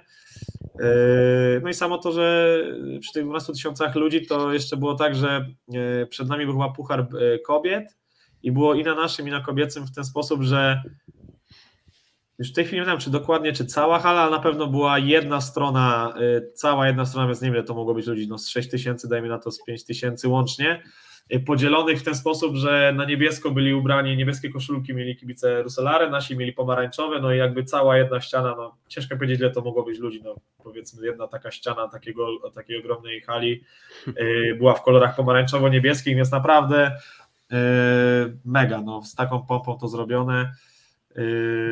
I niestety szkoda tylko, że się nie udało tam świętować zwycięstwa, bo myślę, że to by były niezapomniane chwile takie emocjonalnie. Czyli chcesz, natomiast chcesz więcej takich spotkań, tak, tak wyczuwam, że jesteś tak podekscytowany, tak, że tak. chyba chciałbyś w swojej karierze, przygodzie, przygodzie, przygodzie. że jeżeli to będzie kariera, to będziesz miał takich spotkań nie jedno, jasne. a naście pewnie, jasne. tak? Jasne, jasne. Mm, mówię, ta, ta, organizacja po prostu dookoła samej siatkówki tam zrobiła na mnie bardzo duże wrażenie, tych wszystkich jakichś tam yy, yy, od tej strony akrobatycznej, czy, czy to wybieganie, czy generalnie no, z taką pompą, że nie spodziewałem się naprawdę, że w takiej lidze jak belgijska coś takiego może być, ale chłopaki, którzy tam grali wcześniej, chociażby Adrian Staszewski, który był u nas kapitanem i generalnie był tam przez 6 lat, y, uczył od razu, jak tylko awansowaliśmy, to, to mówi, że, że zobaczy, zobaczysz, co tu się dzieje na finale i faktycznie tak było. Więc, więc tak, a jeszcze tylko kończąc po prostu e, te osiągnięcia, bo faktycznie było to fajny sezon, to jeszcze w e, Pucharze CEF mieliśmy okazję grać, najpierw w Lidze Mistrzów w eliminacjach, ale tam pech chciał, że to był nasz pierwszy mecz sezonu, dwumecz, e, chyba był mecz, mecz ligowy i rewanż w tych eliminacjach i, że tak powiem, zespół by bardzo jeszcze taki nieopierzony, bym to powiedział i niestety tam przegraliśmy z mistrzem Hiszpanii, ale potem trafiliśmy na nich w Pucharze CEF i tam się zrewanżowaliśmy ich ograliśmy i dotarliśmy do ćwierćfinału przeciwko Galatasaray Stambu, które nas wtedy yy, budżetowo to zjadało nie wiem ile razy, yy, a u nich zagraliśmy bardzo fajny mecz na 3-1 niestety w plecy, a u siebie prowadziliśmy 2-1 i byliśmy bardzo blisko, żeby doprowadzić do złotego seta i i myślę, że, I myślę, że to by było naprawdę coś, gdzie byśmy chociaż mogli o ten złoty set zagrać z takim klubem. Niestety znowu troszeczkę doświadczenia nam zabrakło i takiego ogrania. Eee, także myślę, że no, klub był bardzo zadowolony z tych wyników. Znaczy, nie, nie myślę, tylko wiem, bo rozmawialiśmy wiadomo, po, po sezonie z prezesem. Eee, gdzieś tam chcieli mnie zatrzymać. Eee, generalnie byli zadowoleni z całego kształtu. Więc fajnie, fajny, fajny krok, y, fajnie, że to tak wypaliło. Oczywiście na tamten moment był to, patrząc, jakby nie patrząc z jakiej strony, jakiś tam krok wstecz, mały, no bo jednak y, plus liga, czy marką, czy poziomem y, przebija zdecydowanie ligę belgijską, ale, ale myślę, że się odpłaciło i bardzo dobrze wspominam ten moment i tą decyzję o wyjeździe. Muszę w takim razie jeszcze rozwinąć trochę ten wątek, bo sprawdziłem sobie ostatnie wyniki. Nie wiem, czy śledzisz, co się dzieje teraz w Belgii, albo przynajmniej w Twoim zespole. Mm, dosłownie wczoraj był półfinał Pucharu Belgii, właśnie Lindemans Alt zameldowały się w finale, a na poziomie okay, ćwierćfinału... Z Leuven chyba, tak? Mam rację? Yy, zaraz sobie sprawdzę jeszcze. Tak mi się wydaje. Bo tak, z tą ekipą Tourlingsa. Dokładnie. Dzisiaj jest drugi półfinał, no i w ćwierćfinale już odpadło i Maseik i Knagrozelere, a zmierzałem... A, to nie wiedziałem, o, to jestem bardzo zaskoczony. To w takim razie kto jest w finale? No jest Menen dzisiaj z Gibertem. E, półfinał dzisiaj będzie. to jestem w szoku, bo generalnie troszeczkę śledzę może nie samą ligę, co, co właśnie mój były zespół e, na Instagramie czy, czy Facebooku, gdzieś tam w aktualnościach, jak się coś pokaże, to zawsze sobie zerknę. Ale tu jestem w szoku, że to nie wiem, czy taka sytuacja, który, który raz ma miejsce w historii ligi, mhm. żeby ani Mazejka, ani Rusulare nie grało, to jestem bardzo zaskoczony. I że Giberten gra w półfinale, to też jestem mega zaskoczony. Także ciekawe, ciekawe. No to szczerze powiedziawszy, Alst bardzo dobrej sytuacji, jakby nie było. Tak, a powiedziałem o tym dlatego, żeby zapytać Cię o coś takiego, bo w tym finale właśnie mega sprawa pewnie dla tych facetów. Kamil Droszyński i chyba Jakub Rybicki tam grają, zdaje się, w tym momencie Dokładnie. w tej ekipie. Mm, I nawet jak ty tam grałeś, to była jeszcze trójka Polaków. Mm, przez w ogóle resztę sezonów sporo Polaków przez ten klub przewinęło. Czy jest coś takiego, że ten klub ma coś takiego, że przyciąga Polaków? Nie wiem, trener ma jakieś specjalne podejście do Polaków? Czy zawsze mu się dobrze z Polakami pracowało? Czy to jest jakiś przypadek? Yy, znaczy, na pewno nie jest to przypadek. Yy, ja osobiście, yy, jak dostałem ofertę, i faktycznie jest tam, jest, jest tam yy, bardzo dużo Polaków, czy było, czy jest, czy generalnie na przestrzeni sezonów się tam przejawia. No samo to, że Adrian Staszewski grał tam 6 lat, no to to samo to pokazuje, że jednak to wszystko tam ma ręce i nogi i nie jest to jakiś tam klub z przypadku. Tak jak mówiłem, jest to klub z tradycjami, który się przemianował teraz na Lindemans Als, zmienił sponsora i miasto i halę, w której rozgrywa mecze. Yy, wcześniej to był Asewolej Lennik. Czy trener, faktycznie trener jest tam myślę, że chyba już bardzo długo. Czy ma rękę do Polaków? Ciężko mi powiedzieć. Na pewno fajnie to prowadzi. Jest bardzo ekspresyjnym trenerem. I nie sądzę, żeby tu był jakiś kontekst tego, że ma rękę do Polaków. Myślę, że bardziej Polacy między sobą, którzy dostają jakieś tam Y, oferty czy zainteresowania z tego, z tego klubu, wymieniają opinie i po prostu tutaj myślę, że, że raczej każdy y, sobie zachwala. Oczywiście tutaj, no wiadomo, trzeba rozdzielić na jakie warunki i jaki poziom i tak dalej. Tam się można, na jaki poziom można liczyć i organizacyjnie, ale, ale naprawdę ja nie mogę powiedzieć złego słowa po sezonie tam. I myślę, że to bardziej z tego wynika, bo wiadomo, że na takie tematy między sobą zawodnicy rozmawiają i po prostu dobre słowo gdzieś tam się przewijało i myślę, że to jest główny, główny taka główna, główny czynnik tego, czemu aż tylu Polaków tam e, się na tej przestrzeni sezonów znajdowało. Dobra, muszę uciąć temat, muszę uciąć temat belgijski. Um, Mam, mam echo u kogoś, już nie wiem, czy już chyba udało się to wyciszyć. Mm, słuchaj, Janek, Janek takie... muszę ci jedno zdanie wtrącić, bo Janka wprowadziłem w błąd. Nie Gibertę, tylko Wolej Gent, yy, gra półfinał. Okej, okay, no to, to, już więcej, to, już to, to chciałem naprostować i tyle. Okej. Okay, dobra, dobra. Um, to jeszcze dwa pytania mam na koniec. Um, jedno pytanie, czy słyszałeś o czymś takim, co roboczo nazwałem efektem Firleja? Coś tam mi się przewijało. Coś tam ci się przewijało uszy. Um, Właśnie, bo mm, też tam mówię, ja jestem gdzieś tam frikiem statystycznym, staram się rozbierać tę, tę siatkówkę na czynniki pierwsze i zwróciłem uwagę, że mm, w momencie w twoim, bo to się tyczyło twojego pierwszego sezonu, ale też i drugiego sezonu w, w Katowicach, wszyscy zawodnicy bez wyjątku zagrali z tobą mm, skuteczniejszy sezon, w sensie jeśli sprawdzimy ich tam parametry statystyki ataku, to, to zagrali ten skuteczniejszy sezon. Jak dużą rolę przypisujesz sobie w tym, że na przykład masz, nie wiem, czy Adriana Buchowskiego, który wtedy, nie wiem, jako trzeci, czwarty zawodnik AZS-u poszedł do Katowic, grał świetnie. Kuba Jarosz, Poresowi grał świetnie. To jest powietrze katowickie, czy jednak może coś tam miałeś do czynienia z tym? Myślę, że nie powietrze katowickie raczej, bo to powietrze raczej wyjątkowo nie katowickie. Raczej tak, tak, dokładnie. Ale to oczywiście żartem, a tak na serio y, na pewno jakieś tam, y, jakąś tam rolę w tym odegrałem, ale jak to nawet na waszym wejściu jest y, mówione, najbardziej słowa zespołowych zespołów gier, więc y, myślę, że tu jest y, też bardzo ważny czynnik, mianowicie właśnie zespół i to jak ten zespół funkcjonuje i, poza, na, i na boisku i poza boiskiem, oczywiście jako rozgrywający, no gdzieś tam te ciężar prowadzenia tego wszystkiego spoczywa no po prostu na, na mnie, ale ogólnie chodzi mi na tej pozycji rozegrania, natomiast sam rozgrywający cóż, też za wiele nie może zrobić, więc yy, myślę, że to wszystko musi, musi współgrać i, i myślę, że ani wszystkie rozegrania na czystą siatkę tu nie sprawią, yy, jak chłopaki nie będą kończyć, ani w drugą stronę. Yy, można powiedzieć, że yy, bez jakiejś tam powiedzmy ciekawszej nie wiem jak to nazwać. Że, że, na, że na podwójnym i na potrójnym bloku, bloku też można skończyć piłkę. Pewnie, no tak? dokładnie, dokładnie, ale chodzi mi, że też jakby wszystko musi grać i jakiś pomysł na zespół musi być i jak to wszystko powinno funkcjonować, żeby było efektywnie właśnie przede wszystkim, a dopiero później efektownie. Yy, no i siatkówka jest na tyle ciekawym sportem, że to wszystko się tak zmienia, że myślę, że nie ma złotej recepty i to jest najciekawsze na mojej pozycji.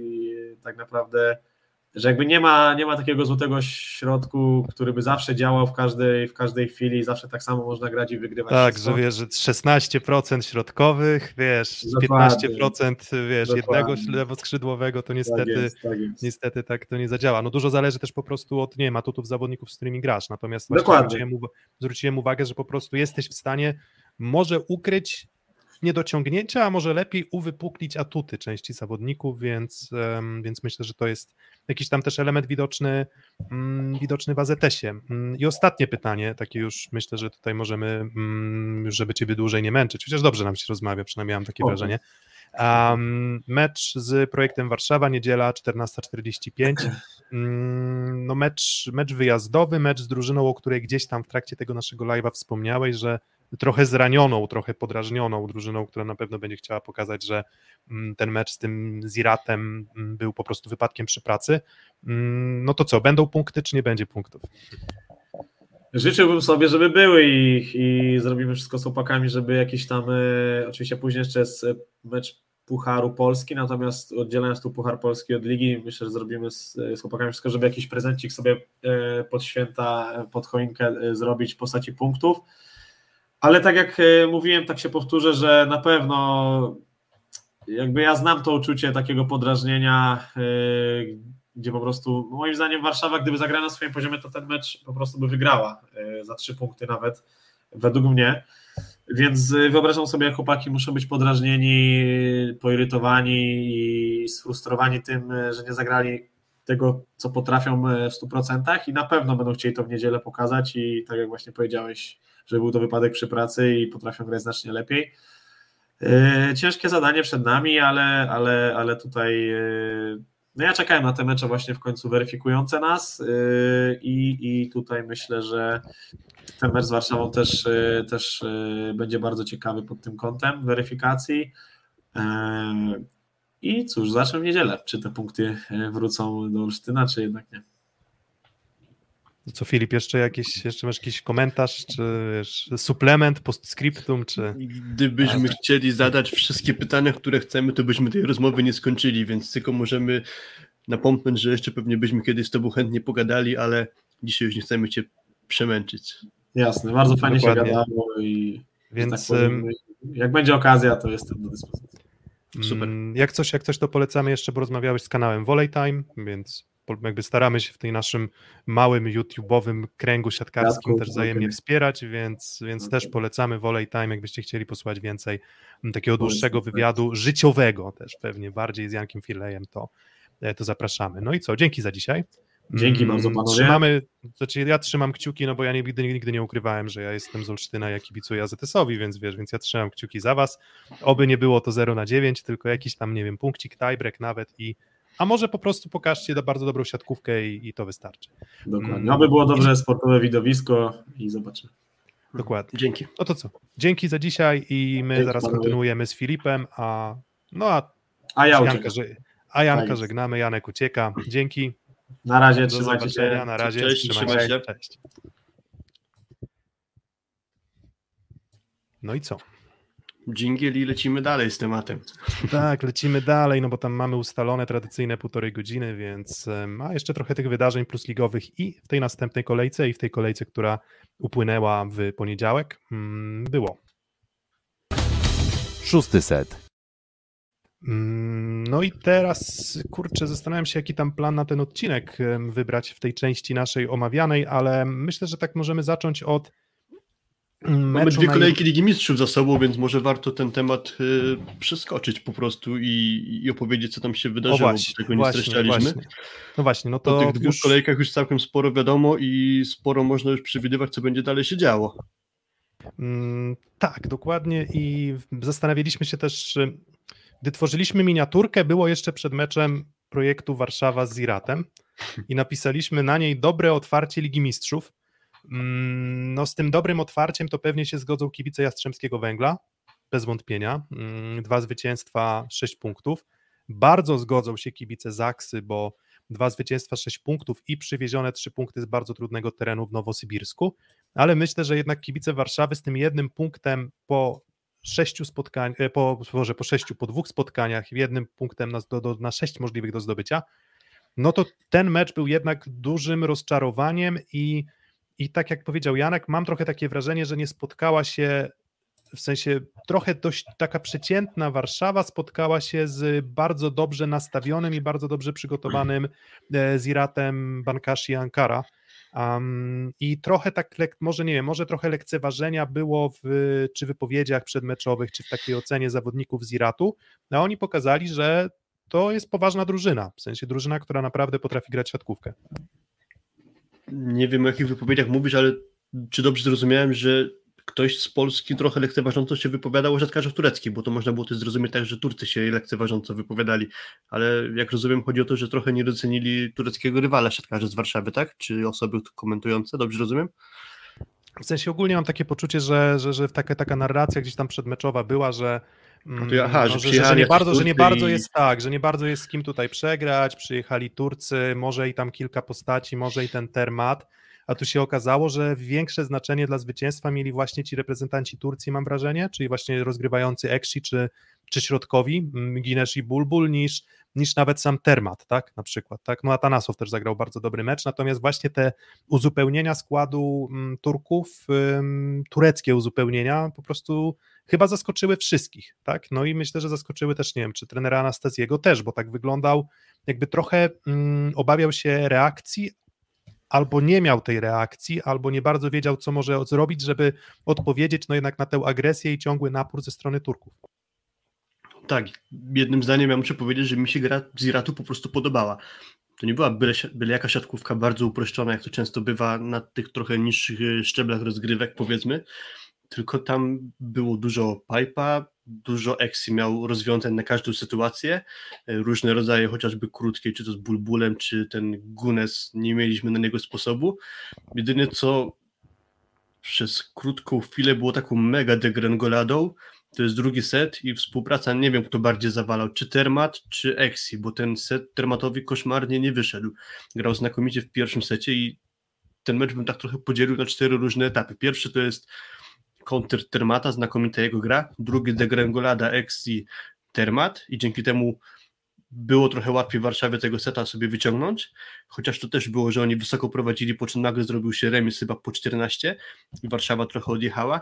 Trzeci set dla mnie pod znakiem jakiejś zapaści z kolei Warszawy w rozegraniu pierwszej akcji albo po prostu niekończenia swoich ataków, bo tam mnóstwo mniej więcej końcówki seta mam zapis tego meczu, bo ja sobie niektóre mecze zapisuję i tam mam Zirat kontra, Zirat kontra, Zirat kontra, albo ktoś tam z Warszawy zablokowany, więc to mniej więcej tak wyglądało.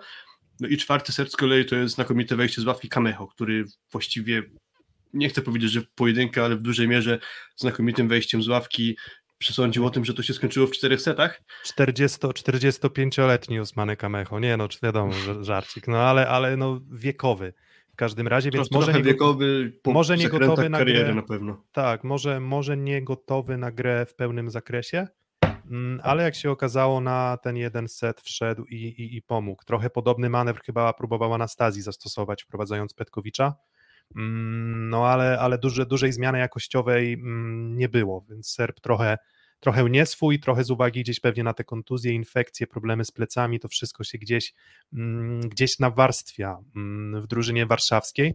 Mm, no i to też jest takie pytanie o szerokość składu, ale też i pytanie o, mm, o, o, o, zmęczenie. Mm, to zawsze trudno jest ocenić przygotowanie fizyczne, to zawsze powtarzamy z perspektywy telewizora. Trzeba byłoby się zapytać samych chłopaków z Warszawy, jak się czują, ale co by nie mówić, ten taki schemat grania środa, sobota z trudnym meczem z Zawierciem, trudnym meczem mm, z Dynamem Moskwa, teraz trudnym meczem z, z Ankarą, z Katowicami też bardzo trudny mecz, pokazuje chyba, że Warszawa no może w jakimś lekkim dołku kondycyjnym jednak się znajduje. No nie chcę wyrokować.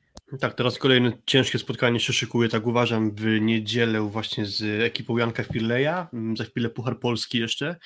No i tego grania się będzie nawarstwiało, a nieprzypadkowo właśnie wspominałem przedtem o tym, że Kamecho wszedł z ławki, bo dużo dał, a gdyby ktoś taki był po stronie warszawskiej, to sobie zażartowałem na Twitterze, że gdyby Kamecho wszedł do drużyny projektu, to byłby co najmniej mm, piąty set, a być może nawet Warszawa by to wygrała, bo uważam, że trochę zabrakło tam zmiennika.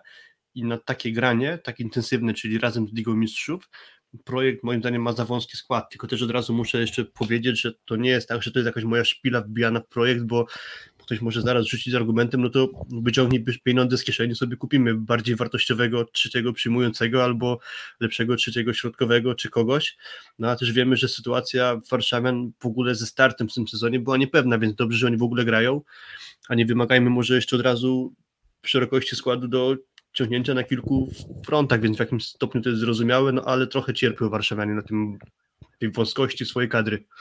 Mm, dobra, to tak, mm, bo, bo, o tym meczu jeszcze moglibyśmy dużo rozmawiać, ale tam jeszcze mamy i mecz y, z Kryt Zawierciem do omówienia z Plus Ligi. Mm, jakie szanse widzisz na wyjście Warszawy z grupy, bo ja praktycznie tych szans nie widzę.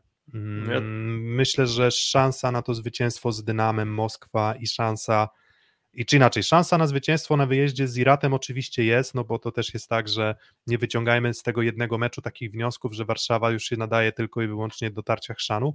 Pytanie właśnie, nie wiem do końca też jak ten kalendarz się układa, wydaje mi się, że, mm, że, że, że, że, ten mecz właśnie jak, jak, jak to idzie, bo zastanawiam się, czy to może być jakiś atut, czy, czy ewentualnie pomoc dla Warszawy, bo nie pamiętam do końca, czy oni kończą z Dynamem, czy kończą z Iratem Ankara na wyjeździe. Mm. Warszawa gra w masę ich ostatnie spotkanie. A, okay. Przedostatnia kolejka 9 lutego z Dynamem Moskwa u siebie i teraz kolejne spotkanie to jest w Warszawie z Masej, czyli kolejno, żeby nie namieszać. Mhm. Masej u siebie, Ankara na wyjeździe, Moskwa u siebie i Masej okay. na wyjeździe.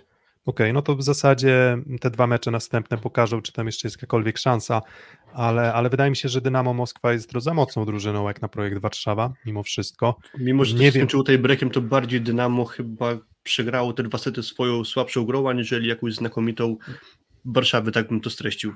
Mm, tak, no bo mm, jak to, to też komentował, mm, nie pamiętam, któryś z siatkarzy Warszawy albo sam Andrea Anastazji, że chyba Andrea Anastazji, że połapali się Rosjanie w tym planie taktycznym, jaki mieli i, i po prostu wy, wydobyli się z tego gruzu w tym pierwszym meczu.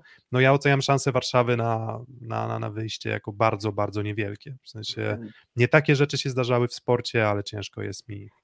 tak, ja nie chcę uwierzyć. tutaj ze swojej strony przesądzać, że to, że Warszawa odpadła z Ligi Mistrzów, to już jest fakt ale myślę, że ich szanse są już dość niewielkie.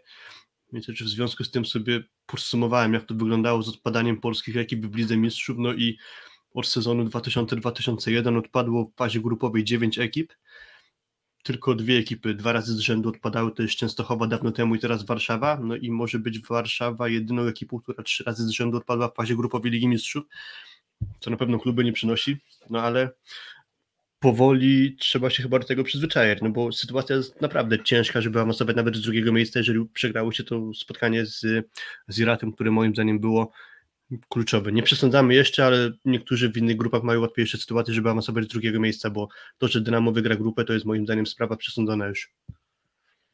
To, to jest ta tabelka, tak, tak, znalazłem okay. to, więc to jest ta tabelka, jak tam przyjrzycie się, to są drużyny, które no, odpadły w fazie grupowej Ligi Mistrzów od tam sezonu 2000-2001, czyli od tam od założenia profesjonalnej ligi siatkówki. Rzadkie sytuacje, jednak, jednak polskie drużyny są na tyle mocne, żeby z tych grup wychodzić. Oczywiście były też inne formaty tych rozgrywek, tak? Były sytuacje, w których tych grup było nie pięć, a chyba było, nie wiem, osiem, czy, czy, czy Tak, czy, czy, przez te 20 chyba dwie edycje, które tu są wypisane, czyli od tego, jak się zaczęła tak naprawdę Liga Mistrzów pod egidą CEP, no to były sytuacje, gdzie były na przykład cztery ekipy w grupie, albo było chyba sześć ekip w grupie, albo mm, było osiem grup, czy tam ileś, więc to nie jest tak, że były tylko dwa formaty, tylko formatu było tak, no ale, ale tak, generalnie. Czy, tak czy inaczej um, ta miłość Warszawy i Ligi Mistrzów jest dość burzliwa, żeby nie powiedzieć, że, że miłości chyba tutaj specjalnej nie ma. I nie wiem, na ile to jest, nie wiem, świadoma decyzja, bo to aż, aż trudno uwierzyć, że zawodnicy, którzy w tej drużynie już grają powtarzalnie kilka sezonów, powtarzaliby ciągle w zasadzie ten sam kłopot, tak, że mm, ja też, ja też nie chcę, bo wydaje mi się, że trochę idealizujemy Warszawę, czy też patrzymy na Jastrzębski, patrzymy na Zaksę i chcielibyśmy, żeby ta nasza trzecia drużyna też była taka mocna. Nie jest taka mocna, ani Warszawa, ani myślę Skra, ani Zawiercie, ani Resowia tak naprawdę, ani, ani Olsztyn, mm, z tego takiego, nie wiem, powiedzmy 3-7, Resowia to z tym poziomem, jaki prezentowała w tym sezonie, to w ogóle wyjątkowo, ale nie mam takiego poczucia, że Zawiercie, Olsztyn czy Skra zaprezentowałyby się mm, koniecznie zaprezentowałyby się lepiej, ale nie wiem, może trochę więcej, mm, więcej serca by pokazywali do, do gry w Lidze Mistrzów, bo, bo tutaj faktycznie można było takie wrażenie odnieść, że może nie tyle, że Warszawie nie zależało, co podeszli do tego w taki sposób, może też, mówię, też nie lekceważący, ale jednak z niewystarczającym zaangażowaniem, jak na rangę rozgrywek, no i jak na jednak tutaj klasę, klasę rywala. Ja bym to mm. inaczej powiedział, że moim zdaniem po prostu oni nie są aktualnie w swojej najlepszej formie i to po prostu przesądza, że grając z taką ekipą dobrze poukładaną przez Santiliego, przegrali sportowo to spotkanie. Mm, Lokomotiv Nowosybirsk, grupa Azoty Zaksa, mm, bardzo długa podróż, bardzo daleka drużyna, drużyna zlokalizowana z chyba sześciogodzinną różnicą stref czasowych czyli mecz odbywał się o godzinie 19 czasu mm, lokalnego, a to była godzina 13 mm, w Polsce. I samo to było trudnością, sama ta podróż była trudnością, a do tego jeszcze doszła drużyna, która wydawałoby się, że no ma czym straszyć. Może mm, spoglądając czysto na nazwiska, nie, nie postawiłbym jej może w takiej ścisłej czołówce ligi rosyjskiej, ale wyniki bardzo powtarzalne i bardzo powtarzalne punktowanie i, i początek sezonu otwarcie bardzo dobre, a Zaksa, gdyby tylko mm, miała więcej koncentracji, gdyby tylko zadbała o to, żeby nie wypuszczać tych serii punktowych przy prowadzeniu chyba pięcioma, sześcioma, siedmioma nawet punktami, to ten mecz byłby zaskakująco łatwy chyba. Jak, jak, nam, jak ja się spodziewałem mimo wszystko troszeczkę trudniejszego meczu, a mecz był no, względnie łatwy, co chyba tylko pokazuje, udowadnia klasę sportową Zaksy. Trochę demony przeszłości, czyli konkretnie początku sezonu w Zaksie się odezwały, bo też wspominaliśmy w którymś z odcinków, że oni dość często tracą wysoką, kilkupunktową przewagę i w tym spotkaniu w Nowosibirsku było tak, że w trzecim i w czwartym secie konkretnie w obu tych partiach było 19 do 12, a kończyło się różnicą dwupunktową, e, więc tu też widać, że duża przewaga zmarnowana. No i to patrzymy na ten wynik, że skończyło się dwoma punktami różnicy, moim zdaniem to nie oddawało rzeczywistej odległości Lokomotivu od Zaksy, bo moim zdaniem Zaksa była po prostu ekipą lepszą. To nie tak, że nieznacznie lepsza okazała się Zaksa. Natomiast mnie zawsze ciekawią wypowiedzi pomeczowe Płomena Konstantinowa, bo on zawsze potrafi sobie znaleźć jakąś dobrą wymówkę po ostrym laniu w Lubę. Powiedział, że tam strefa czasowa, że nie mogli sobie treningu ułożyć na odpowiednią porę tego meczu, w którym, który będą grali we Włoszech, bo tam mieli Puchar Włoch wcześniej, mm, będą skupiać się na meczu u siebie. Skończył się mecz u siebie, przegrali do 3 z Zaksą, no to w takim razie już sędziowie mu nie pasują. Jestem skłonny się zgodzić, że dwie akcje mogły być gwizdnięte inaczej. Mm, ale to nie jest kwestia tego, że Lokomotyw przegrał przez dwie błędne decyzje sędziego, bo to jest zbyt moim zdaniem duże uproszczenie. Mhm. Mówię o tych dwóch sytuacjach z Konstantynowem, ale jak jego, jak ja jego wypowiedzi kojarzę jeszcze z wcześniejszych lat, to on często mówi, on nigdy nie widzi winy w sobie, tylko zawsze mówi, o zespół źle podszedł psychicznie, mentalnie źle podeszliśmy do tego tak, meczu to, tak, to chyba taka, taka, charak taka charakterystyka chyba jego taka osobista, że mm, no, że myślę, że ego ogromne u Plamena Konstantinowa, raczej z gatunku tych, którzy nie poszukują problemów w sobie, a a raczej poszukują w... Ale Mistrzostwo Rosji zdarzyło mu się wygrać z Fabianem Drzyzgą na rozegraniu, także to też nie jest tak, że on nie jest nic w stanie zrobić. Tak, e, widzę, że tak z emfazą pewną powiedziałeś, że z Fabianem Drzyzgą na rozegraniu. Nie, nie, a... tu nie było żadnego podtekstu. Wygrał to wygrał, na co drążyć temat. Tak, wygrał to wygrał. Um, tak, no ten mecz w zasadzie Zaksa też już stała się drużyną przewidywalną też pod tym względem, że mm, jedyną szansą na to, żeby Zaksę ruszyć, to jest siąść na nich zagrywką. I trzeba przyznać, że ten set wygrany przez Lokomotiv Nowosybirsk był takim setem, który trochę obnażył to, co może się dziać, gdy drużyna przeciwna faktycznie będzie serwować. No wystarczy powiedzieć, że, że, że, że Lubę przecież zagrało chyba 17 asów z, z Nowosybirskiem w tym pierwszym meczu, więc był na, na pewno powyżej 15. Chyba dwa setach. razy mniej błędów zrobili w ogóle e, w zagrywce niż mieli asów serwisowych. No do, 17 tak. asów, 9 błędów, dokładnie. Czyli więc, mniej więcej więc, blisko tego, co powiedzieliśmy. Więc, za, więc nie jest do końca poprawnym stwierdzeniem, że Zaksa staje się naga w sytuacji, w której, nie wiem, Janusz ma piłkę na, nie wiem, czwartym metrze, ale no aż tak, no z takiego poziomu przyjęcia, jaki zaprezentowali w, w drugim secie, no to tam było chyba pięć błędów w ataku Zaksy. One raczej wynikały jednak z sytuacji wymuszonych, tak? Nie, nie z tego, że, mm, że, że po prostu zawodnicy na nie wiem, czystej sytuacji, bo Zaksa się nie myli w sytuacjach łatwych raczej. Um, to były po prostu sytuacje trudne, no i tam chyba sam Kaczmarek kilkukrotnie wyrzucił wtedy piłkę, a, piłkę w aut, no i to pokazało, że no Zaksa jednak trochę wrażliwa jest, przy czym Myślę, że to się tyczy każdej drużyny w Europie też, tak, w sensie ja nie, nie, nie uważam, że to jest tylko, nie wiem, jakaś cecha Zaksy, że, mm, że, że, że oni mają, nie wiem, mogą sporadycznie mieć problem z przyjęciem, albo przy problemach z przyjęciem można ich, można ich pokonać, ale no agresja na zagrywce pokazała, że Zaksem no, to nie jest taki super, hiper, twardy, nie do, nie do pobicia monolit, o tak bym powiedział, ale to jest cały czas kapitalna, fantastyczna drużyna, która dominuje naszą ligę i, i, i ma sześć punktów i no jest na bardzo dobrej, dobrej drodze do zajęcia drugiego miejsca w grupie, bo nie wiem jak będzie z tym wyjściem, bo trudno powiedzieć jak się te wyniki w pozostałych grupach poukładają, no ale to drugie miejsce na pewno może zająć, no i mam nadzieję, że, mm, że z Lubę też, też powalczą. Myślę, że z optymizmem trzeba patrzeć. Najgorszy mecz to był właśnie chyba ten w Nowosybirsku, bo, bo raz, że ta podróż daleka, no to właśnie Lokomotiv nastawiony niby nagranie u siebie, przynajmniej jeśli chcieć wierzyć słowom Płomena Konstantinowa. E, co do Lubę, jest z nimi mecz niedługo w Kędzierzynie. Oni trochę oberwali na klubowych mistrzostwach świata, przez to między innymi, że nie mógł grać Juan A w zasadzie, a w zasadzie w Gliwicach mecz. Jeżeli dobrze y. kojarzę, to dzisiaj jakaś konferencja prasowa była, że, A, że, że mecz z Lubę jest... będzie, będzie w arenie Gliwice. Poprawcie mnie, jeśli się mylę. To w takim razie, jeśli macie wiadomość na czacie, moglibyście nam napisać, ale w tym momencie na stronie CV jest napisane Azoty Kędzierzyn Koźle, ale to strona CV może nie nadążać. No, tam myślę, myślę, że nie. Mówię szczególnie, że to było, że, to, że akurat ta konferencja była dzisiaj, więc akurat tego się, tego się spodziewam. Mhm. Widziałem no, ale... zdjęcie, widziałem, widziałem Zaksy, widziałem logo Lubę i widziałem Śliwkę i Kaczmarka. I, więc myślę, że e, myślę, że no jednak i Arena Gliwice też tam był taki duży napis, więc myślę, że jednak Arena Gliwice, ale no ale tak czy inaczej powiedzmy u siebie, tak? Nazwijmy tak, to u tak. siebie. Tak. Um, tylko, że to mówię, niestety mm, może lepiej byłoby zagrać, to co też mówiliśmy w tym naszym nagraniu podsumowującym Ligę Mistrzów, że może lepiej byłoby zagrać z mm, Lubę teraz, mm, z uwagi na kontuzję.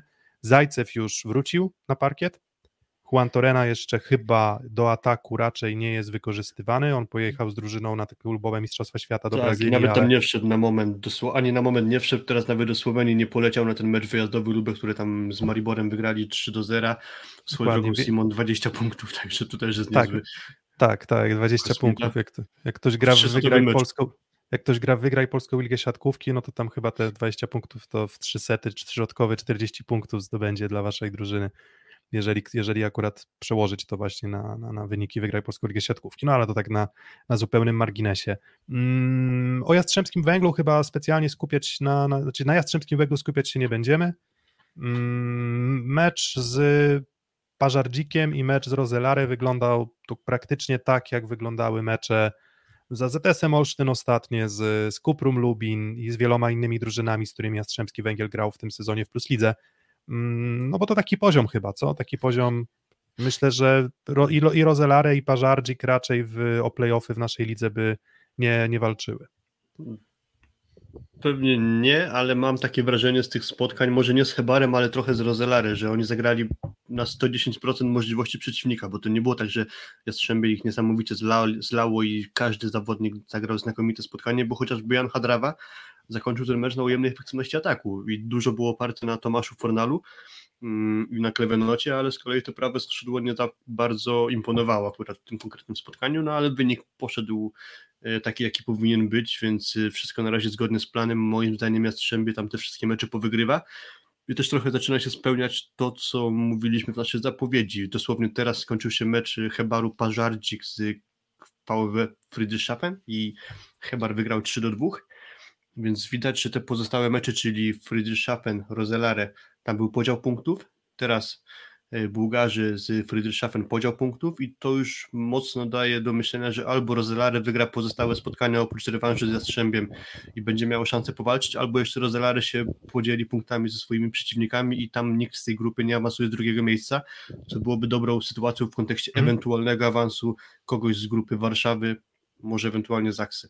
Tak, no myślę, że grupa A odpada. Myślę, że Jastrzębski Węgiel, jeżeli już się dzielą punktami, jeżeli Jastrzębski Węgiel wygra wszystko za trzy punkty, a myślę, że są w stanie to zrobić, to może, chyba że jakaś tam rotacja wiedzie, tak?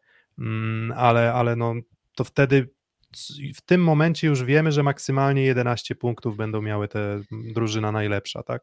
Jeżeli by wygrała wszystko, a spodziewam się, że tych punktów będzie mniej. No bo odpada, masz 18 punktów do zdobycia, to 6 ci odpada za mecze z Jastrzębskim Węglem, zostaje 12, już stracili po jednym lub więcej. Um, dobra, czy będzie omawiana ostatnia kolejka? No to co? No to przejdziemy do tej ostatniej kolejki. I kto zapłaci wiemy... za nadgodziny? Tak. pa, pa, panie... Z pensji Kuby dzisiaj ciśniemy, bo go nie ma. Ładnie, panie, panie, panie Areczku, nadgodziny są dla szefostwa. Panie Areczku, nadgodziny są dla szefostwa. Dobra, ciśniemy jeszcze z tą ostatnią kolejką, tak szybciuteńko, no bo nie o wszystkim, ale, ale, ale o kilku ważnych meczach wypada powiedzieć. Szósty set. Mm, no to właśnie, ten taki chyba najważniejszy mecz i taki najciekawszy mecz. Um, czy, czy mecz o najwyższym poziomie sportowym? Nie wiem, ale na pewno mecz o najwyższym poziomie emocji z bardzo długim tiebreakiem. Aluron CMC Warta Zawiercie um, wygrywa u siebie 3 do 2 z PGS Crow Bełchatów. Um, przed meczem typowaliśmy tiebreak. Przynajmniej ja typowałem i Kuba typował. Ja typowałem tiebreak dla Skry, Kuba typował tiebreak dla Zawiercia. Mm, no i ten mecz faktycznie tiebreakiem się zakończył, natomiast myślę, że i Zawiercie miało swoje szanse, żeby domknąć ten mecz w setach czterech i Skra miała swoje szanse, żeby wygrać ten mecz w tiebreaku, więc y, taki idealny mecz na rzut monetą. No i Filip, jak Ci się podobał e, mecz, w którym jednego z setów drużyna wygrywa 25 do 10? A tiebreaker 26-24. To, jest, to nie jest normalny mecz, moim zdaniem. To był trochę chory mecz. Nawet mi się przypom przypominają ostatnie, jedne z ostatnich zdań Jurka Mielewskiego po tym meczu. Co ja mam po takim meczu zrobić? Wojciech Drzyzga mówi, nalej sobie wody do wanny. To chyba, żeby się schłodzić i trochę mnie nawet zmęczyło oglądanie tego meczu, powiem szczerze, bo to wymagało naprawdę dużej uwagi, żeby śledzić, co tam się tak naprawdę dzieje, bo dużo zwrotów akcji pomiędzy setami poszczególnymi było sporo różnic, ale to, co zaczyna się powtarzać trochę z naszego tekstu na miniaturze, że rysy na zbroju Rosza Kowacewicza, bo trzeci mecz z poważniejszym przeciwnikiem, styk rywali, których typowalibyśmy wysoko w tabeli. No i Uroż ma problemy. Teraz sześć razy zablokowany. Były dwa poprzednie mecze, gdzie dostał siedem razy blok. No i Uroż, o ile ciągnął za uszy trochę zawiercie w początkowych meczach sezonu, później włączył się Conte, teraz znakomicie zagrał Dawid Konarski. Myślę, że to był jego najlepszy mecz, biorąc pod uwagę jakość w stosunku do jakości rywala. To naprawdę duże pochwały dla Dawida. No to Uroż trochę nie dojeżdża. Pytanie, co jest tego przyczyną? Czy jakaś tam jeszcze niedyspozycja zdrowotna, czy po prostu, mówiąc pół żartem, zostaje, jak to często mówi Kadziewicz, Łukasz Kadziewicz, że zweryfikowany przez Plus Ligę? Mm, wiesz co, nie mam tutaj jakiejś, jakiejś jasnej tezy. Mm, szczególnie, że w przypadku oceny zawodników widzimy tylko tę taką fasadę boiskową, prawda? Nie wiemy, jak duże są problemy zdrowotne, nie wiemy, czy te problemy zdrowotne w ogóle, mm, w ogóle są. Natomiast to Kuba lansował taką teorię, Kuba Lewandowski, że poczekajmy, aż Uroż zagra z tymi najlepszymi drużynami. No i trochę tak, mam trochę takie wrażenie, że Uroż Kowacewicz jednak nie jest skoczkiem. W sensie, że, że, że mam trochę takie poczucie, że to, co fantastycznie działało w tych meczach na początku sezonu, czy przeciwko, nie wiem, niższym skrzydłowym, czy mniej, mm, mniej gorzej przesuwającym, przesuwającym się na nogach mm, środkowymi, mm, teraz przestało to działać, no bo niestety wystarczyło spojrzeć, no nie wiem, na to, co Bieniek robił, tak, no to najlepszy chyba jego mecz w bloku w Plus Lidze ever. 8, nie, 7 bloków i 8 wybloków chyba. I 8 wybloków, dokładnie. Więc, więc oczywiście mecz długi, ale, ale mimo wszystko statystyka kapitalna, imponująca. Mm, taka na poziomie Pita Nowakowskiego, tak bym powiedział, bo Pitowi to się takie mecze zdarzają w miarę regularnie. Mm, więc wydaje mi się, że po prostu no, jakieś tam trudności po prostu z, z zasięgiem ataku, tak myślę że nie wszystko udaje się wyczyścić tym takim waleniem piłki, nie wiem, albo po rękach, po paluszkach, albo jakimiś y, nieprawdopodobnymi, nie wiem, pchnięciami piłki od, nie wiem, od zewnętrznej, od, nie wiem, od zewnętrznej strony bloku, na przykład na out, mm, czy kiwkami gdzieś tam wpychanymi w, w siatkę i, i, i ci lepsi środkowi po prostu trochę urosza mm, przygnietli, mam wrażenie, mm, tym, tym jak pracowali wy. Zresztą wiesz, z Nysą też nie było dobrze, tak, więc, więc ogólnie urosza ostatnie, myślę, nie wiem, miesiąc nie jest taki mocny, co nie oznacza, że ja nie neguję jego wartość sportową, ale, ale, ale po prostu zszedł z poziomu, trochę jak TJ DeFalco, tak? Zszedł z poziomu takiego nadludzkiego na poziom po, poważnego zawodnika, na, na, poziom poważnego zawodnika, ale, ale, ale jednak nie takiego, który będzie nagle, nie wiem, robił 60% skuteczności z drużynami takimi jak, nie wiem, Zaksa czy, czy, czy, czy Jastrzębski Węgiel. No z Zaksą nie zagrał taktycznie pewnie, żeby jeszcze sobie bardziej statystycznie popsuć. Nie no, żart głupi. Grał jak grał, to dobrze widzieliśmy. Też trochę chyba przesadzone zaufanie rozgrywającego, czy rozgrywających, bo grał i Tavares i Kawanna zawiercia, bo tych piłek w kluczowych momentach do Urosza było ogrom i z małą liczbą tych piłek sobie radził i trochę zabrakło tu chyba odejścia w inną strefę, chociażby dobrze grał Konarski, więc mogło zabraknąć e, piłki do Konarskiego. Czy no właśnie ciekawa, taką... wiesz, właśnie ciekawa statystyka, która przerwę tylko, która potwierdza to, co mówisz, że z 12 bloków skry 9 miało miejsce na kontrach zawiercia, czyli to właśnie ta gra na kontrach była dla mnie tutaj największym problemem, jeśli chodzi o Tavaresa, że próbował to rozwiązywać Uroszem. I teraz możesz tak. kontynuować. Były piłki na lewej, znaczy były piłki, gdzie Conte był w pierwszej linii, był Dawid Konarski na prawym, a i tak upierali się, żeby te kontry rozgrywać przez Kowacewicza w drugiej linii.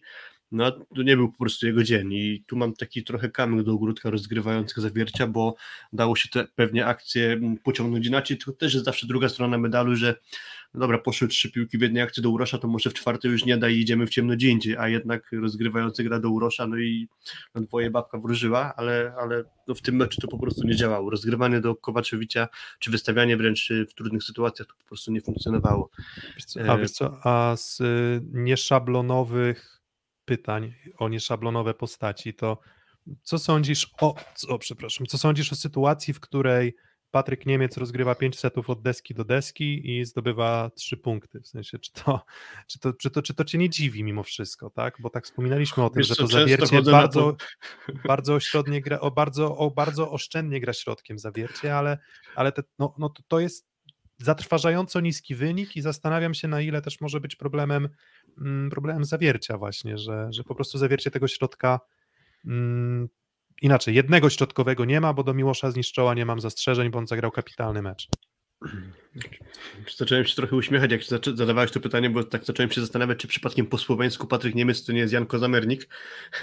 Mówiłem też mówić, że często chodzę na podpromie, więc znam tę sytuację, że jeden środkowy dostaje mało piłek, bo tam mówiliśmy w poprzednim odcinku, że tam niespełna ponad jedną piłkę na set średnio dostawał Kozamernik, aż do tego meczu z Wałkami. No ale faktycznie no, nie jest to dla mnie plus ligowe granie, tak to nazwijmy, czyli inaczej, ja widziałbym to tak, że powinno być granie z dwoma środkowymi w większym wymiarze po prostu. Jak zniszczą dostaje tyle piłek, no to to jest coś normalnego. Jeżeli Niemiec dostaje tak mało, to uważam, że to jest trochę komplikowanie sobie sytuacji. Pewnie ma to jakieś wyjaśnienie taktyczne, ja tego akurat nie widzę, więc mówię to, co, to, co tutaj ja sądzę, nie powinno to mieć miejsca.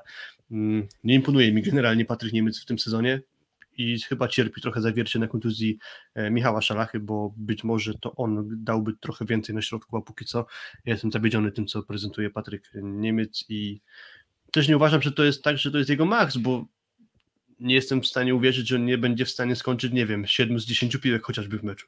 Mhm. Ale z punktu widzenia taktycznego to myślę, że sobie utrudnia trochę rolę e, Tavares czy, czy, czy grający Kawanna, że tak mało tych piłek tam idzie, bo jest to pewnie dosyć łatwe do rozczytania przez rywali.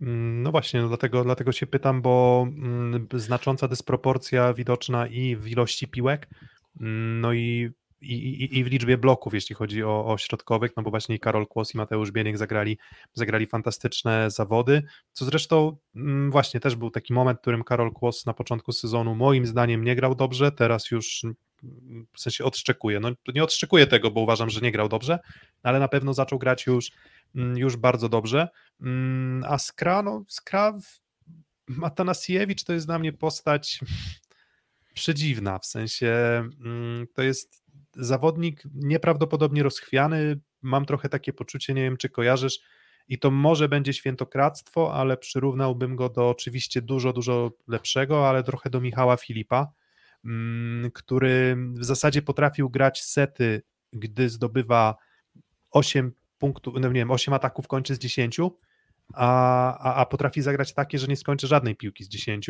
i mam wrażenie, że za Tanasiewiczem trochę tak w tym sezonie jest i w tym momencie, w tym meczu to w ogóle tak było, bo on chyba pierwszy set, pierwszego seta zaczął od ilu? Chyba minus 60% efektywności? Jakoś tak było, że skończył chyba dwie piłki, a popełnił 6 czy 7 błędów. Więc no, zatrważająca statystyka, muszę przyznać. Jak na... Powiem Ci dokładnie, bo mam nawet to zapisane. Dwa z siedmiu ataków skończył, cztery, cztery błędy, jeden atak zablokowany, więc minus 43% efektywności. Hmm, co się no dzieje z, szala, z Szalachą, no a Szalach, Szalacha jest y, no, nie, nie w pełni zdrowia ciągle, więc, mm, tak. więc to, to, nie, to nie jest jakaś świadoma decyzja tego, świadoma decyzja um, trenera tutaj w tym, w tym względzie.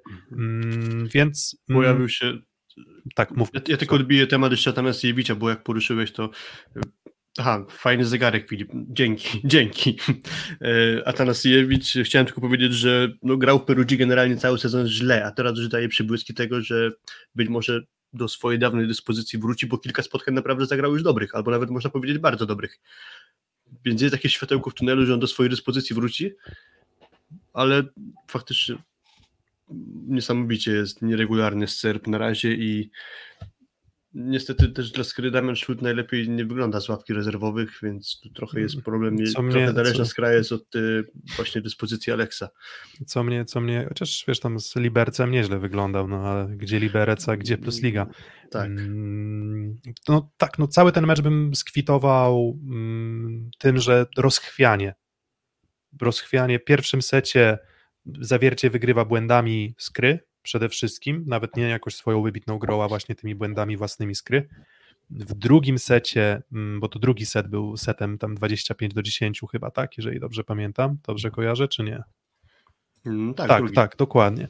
Drugi był 25 do 10 i to była w ogóle też chyba najwyższa porażka zawiercia w setach tam na, na Twitterze, chyba taka informacja się pojawiła, że to była najwyższa porażka, jakie zawiercie, jaką zawiercie odniosło w Plus Lidze od tam dojść w awansu w 2017 roku, jeśli dobrze, jeśli dobrze pamiętam, więc y, rzadko takie rzeczy się dzieją, ale to, są, ale to też pokazuje mm, degrengoladę zawiercia, ale też i pokazuje ten taki potencjał skry, o którym cały czas mówimy, tak, że oni potrafią sety wygrywać demolując rywala, ale potrafią też i przegrywać kompletnie się zatykając, tak, i ciężko mi wskazać w tym meczu konkretnym postaci pozaśrodkowymi na skrzydłach, które grałyby w miarę stabilnie. No Dawid Konarski ok, ale na przykład wiesz, Facundo Conte czy Robert Techt, który zagrał też chyba taki mecz no, słaby, czy Milate Badipur. się o zmianę. Tak, czy, czy, czy, czy, czy sam Milate Badipur, to, to w zasadzie na kogo byśmy nie spoglądali, to były, mm, to były występy moim zdaniem słabe tak, tak całościowo, tak, że nawet ten Facundo Conte, to ja się śmiałem właśnie a propos wygraj polskiej ligę siatkówki, miałem go ustawionego na kapitanie, no i grał tiebreak i do tiebreaka wyglądało to beznadziejnie, w zasadzie ani punktów, ani bloków, ani asów w przyjęciu duż, mocno obciążony i też różnie z tym przyjęciem bywało. No ale w tym tiebreaku odpalił, skończył mecz, yy, piłka meczowa na jego konto poszła super, ale, ale, ale wszyscy zawodnicy bez wyjątku tak wyglądali, więc mm, przy czym no może to jest czasem charakterystyka po prostu spotkań no, drużyn dość wyrównanych, no spodziewaliśmy się, że to będzie mecz wyrównany i taki był po prostu. No i też trzeba wspomnieć, Piotr Orczyk chyba chory był, więc stąd ta zmiana Dominika Depowskiego, a Orczyk się nie pojawił. No i ciekawa sprawa, dlaczego nie pojawiał się Dick Coy, bo tak jak mówiłem, no moim zdaniem prosiło się o zmianę i, i, i trochę tutaj tego zmiennika dla Techta zabrakło, tak uważam. Mm, no ale, ale mecz fajny, mecz fajny. Tak, tak, ja tak. Nie, nie, nie, oby, więcej, oby więcej takich na pewno. Tak, oby, oby więcej takich. Mówię, jakby taki mecz zagrała ZS z Warszawą w niedzielę, to, to byłbym usatysfakcjonowany. Um, dobra, dalej przechodzimy tak już po, pokrótce, um, bo, bo ja muszę finiszować już niestety, więc okay. przykro mi, trochę się, trochę się rozjechaliśmy, jeśli chodzi o um, rozmowę z Jankiem Fidlejem, ale no, tak jak mówię, zawsze coś kosztem czegoś.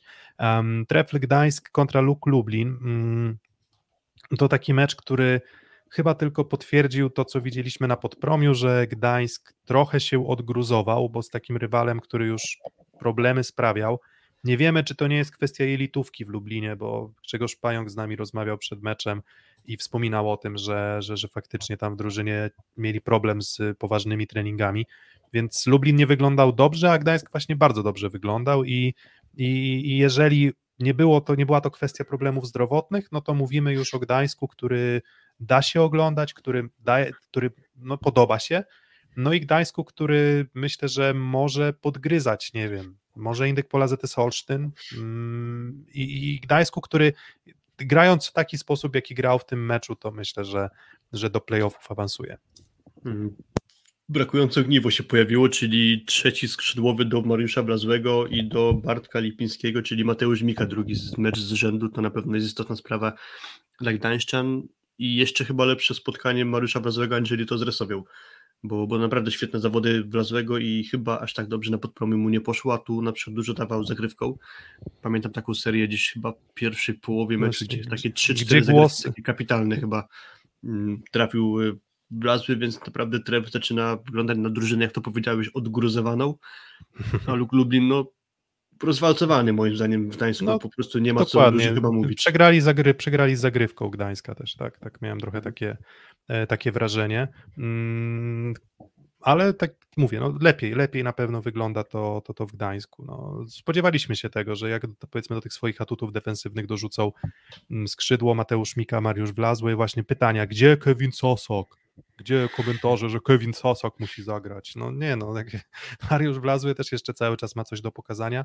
Mm, no i ma też atuty właśnie i zagrywki i bloku, myślę, które, które no jeżeli akurat w danym meczu mu odpalą, to, to to jest to wartość dodana. To nie jest tak, że to, to co kilkukrotnie powtarzałem, to nie jest tak, że Kevin Sasak jest odpowiedzią na wszystkie problemy prawego skrzydła Trefla Gdańsk, bo tak na pewno nie jest. Mm, Cera Tenea Czarni Radom wygrywa 3 do 1 ze Stalą Nysa.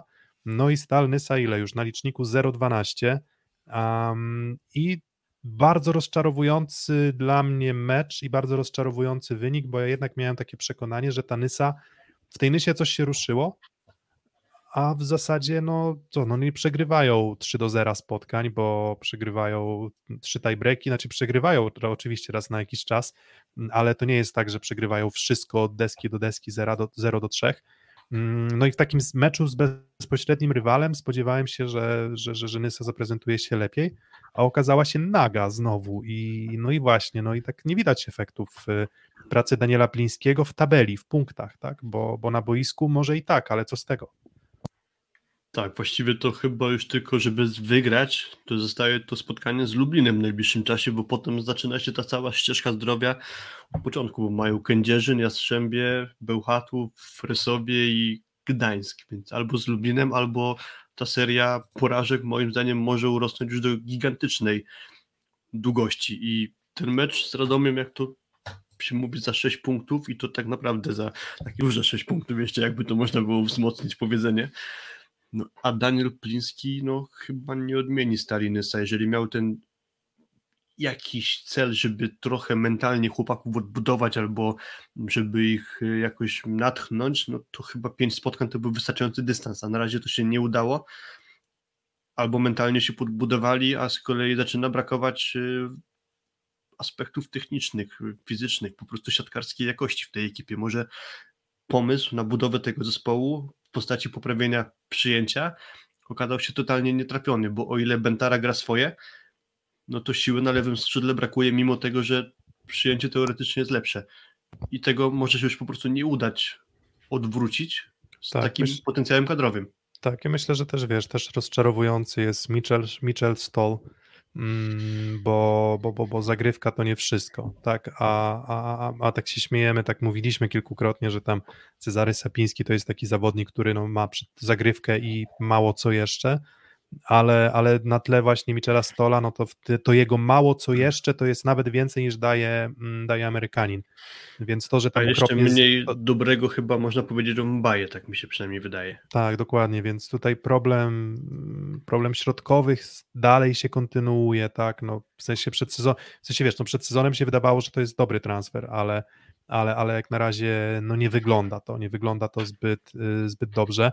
Mm, no to jak mówisz, Bentara, no, no, no nie wiem. Znaczy, gra swoje, to prostu, nie ma co mieć pretensji tak, do niego. Tak, tak, tak, tak. Ja, ja po prostu mam takie poczucie, że mówię, moim zdaniem wyniki Nysy są wynikami gorszymi niż moim zdaniem pokazują na boisku i, i pokazują sportowo, ale są bezwzględne, tak?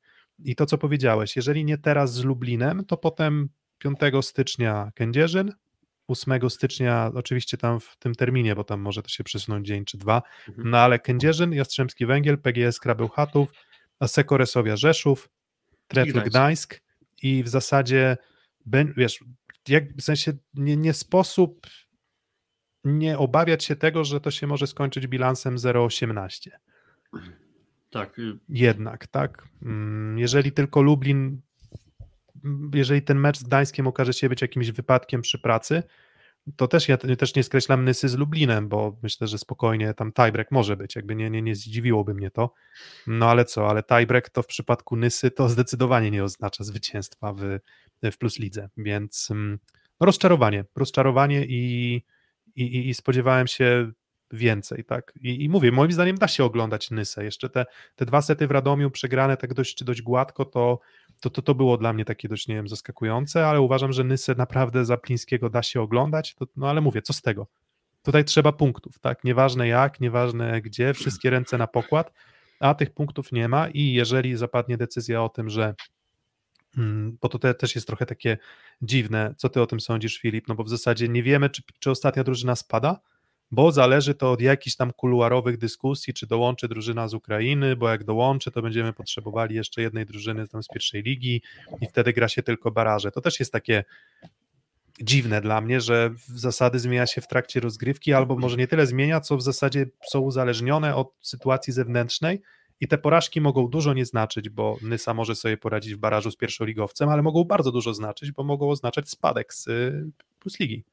Tak, tak, tak. Znaczy, no to jest dziwne. Ja gdzieś coś takiego usłyszałem, że to może być zależne od sytuacji związanej z koronawirusem, czyli być może po prostu ze względów restrykcji epidemicznych zespół z Lwowa nie będzie mógł grać w plus bo na przykład, nie wiem, mogę się domyślać, że chodzi o na przykład pozamykanie granic czy coś takiego i, i, i to może jest jakaś kwestia, na którą na dzisiaj nie mamy wpływu, stąd nie jest ta sytuacja pewna, czy oni na pewno dołączą.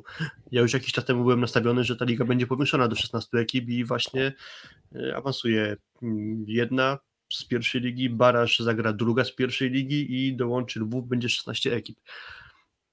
Słyszałem właśnie. te głosy właśnie o tym, że może jednak tak nie być i nie wiesz, ale widzisz, ale, ale nie, ale nie tak, wiesz, ale, no ale nie wiesz, nie wiesz, nie wiesz o co grasz. I załóżmy, że na rynku transferowym pojawi się Wilfredo Leon i Nysa ma pewne utrzymanie, no to Wilfredo Leon do Nysy nie pójdzie, bo Nysa go nie będzie chciała. A gdyby mieli widmo spadku, no to pewnie by spróbowali go namówić. To wiesz, to na trzy, pokolenia, trzy, na trzy pokolenia do przodu mogą się wiesz, zastawić, żeby się skeszować na Leona.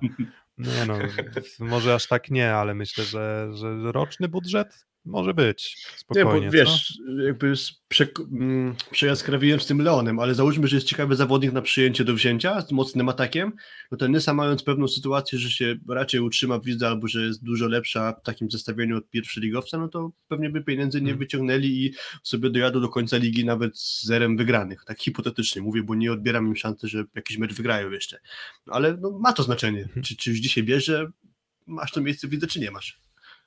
Dobra, chcesz Willi? Przejdźmy może swoim... trochę do Radomia, bo za dużo on się. Y, to, tak, no Radom co? No, Radom wydaje mi się, że trochę posprzątał swoją pierwszą akcję przede wszystkim. Mm, I, i to też myślałem, że Kuprum Lubin jest taką drużyną dla mnie, która, która, która generalnie ma raczej problem defensywny. Mówię tutaj o bloku przede wszystkim. Myślałem, że w, w Radomiu też tak będzie, a tu się okazało, że tak wcale, wcale nie do końca, bo, bo na tle takiej drużyny jak Nysa, Radom po prostu mm, był bardzo skuteczny.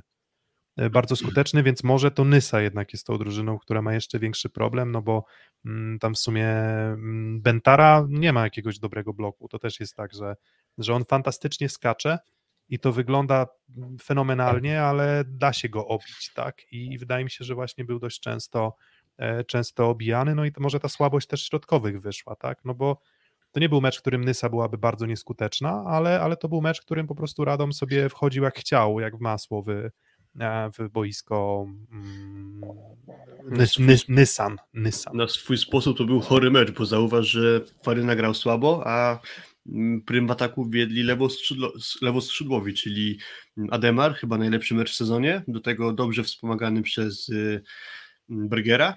Mm, moim zdaniem najlepszy też mecz Michała Kędzierskiego, czyli na ten ważny mecz za 6 punktów, to nazwijmy, Radom się zebrał i, i dobrze wyraźnie to chyba wygrał. Też mówiło się o tym, że to może być mecz o posadę dla Jakuba Bednaruka i mi się przypomniała taka sytuacja, że Będzin w zeszłym sezonie też przegrywał mecz za meczem, po czym przyszło granie z Nysą i chyba z Lubinem, takie dwa mecze po kolei no i oni te mecze wygrali.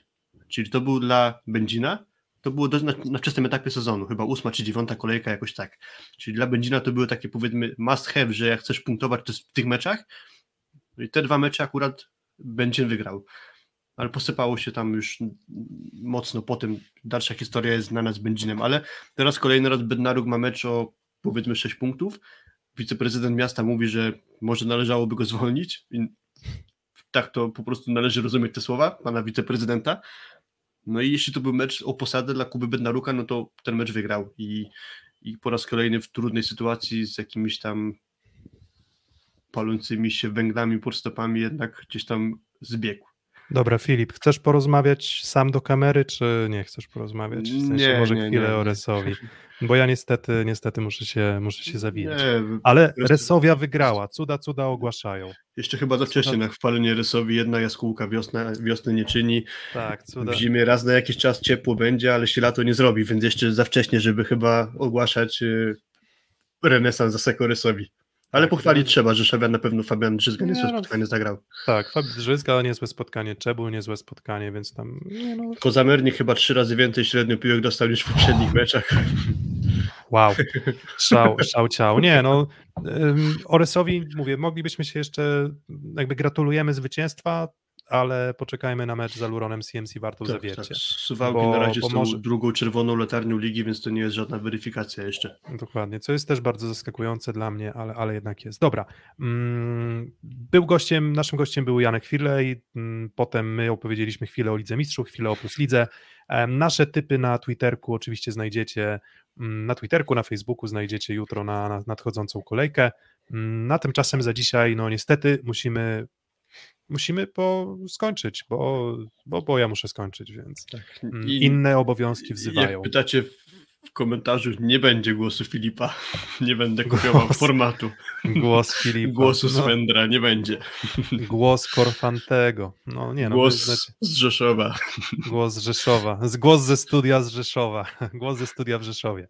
Um, nie, będzie, nie będzie takiego formatu raczej. Um, dobra, e, bo już się zagadujemy. Dobra, ja muszę tak. kończyć. Dzięki za dzisiaj. Um, mamy Dzięki, nadzieję, że Trzymajcie ja, się.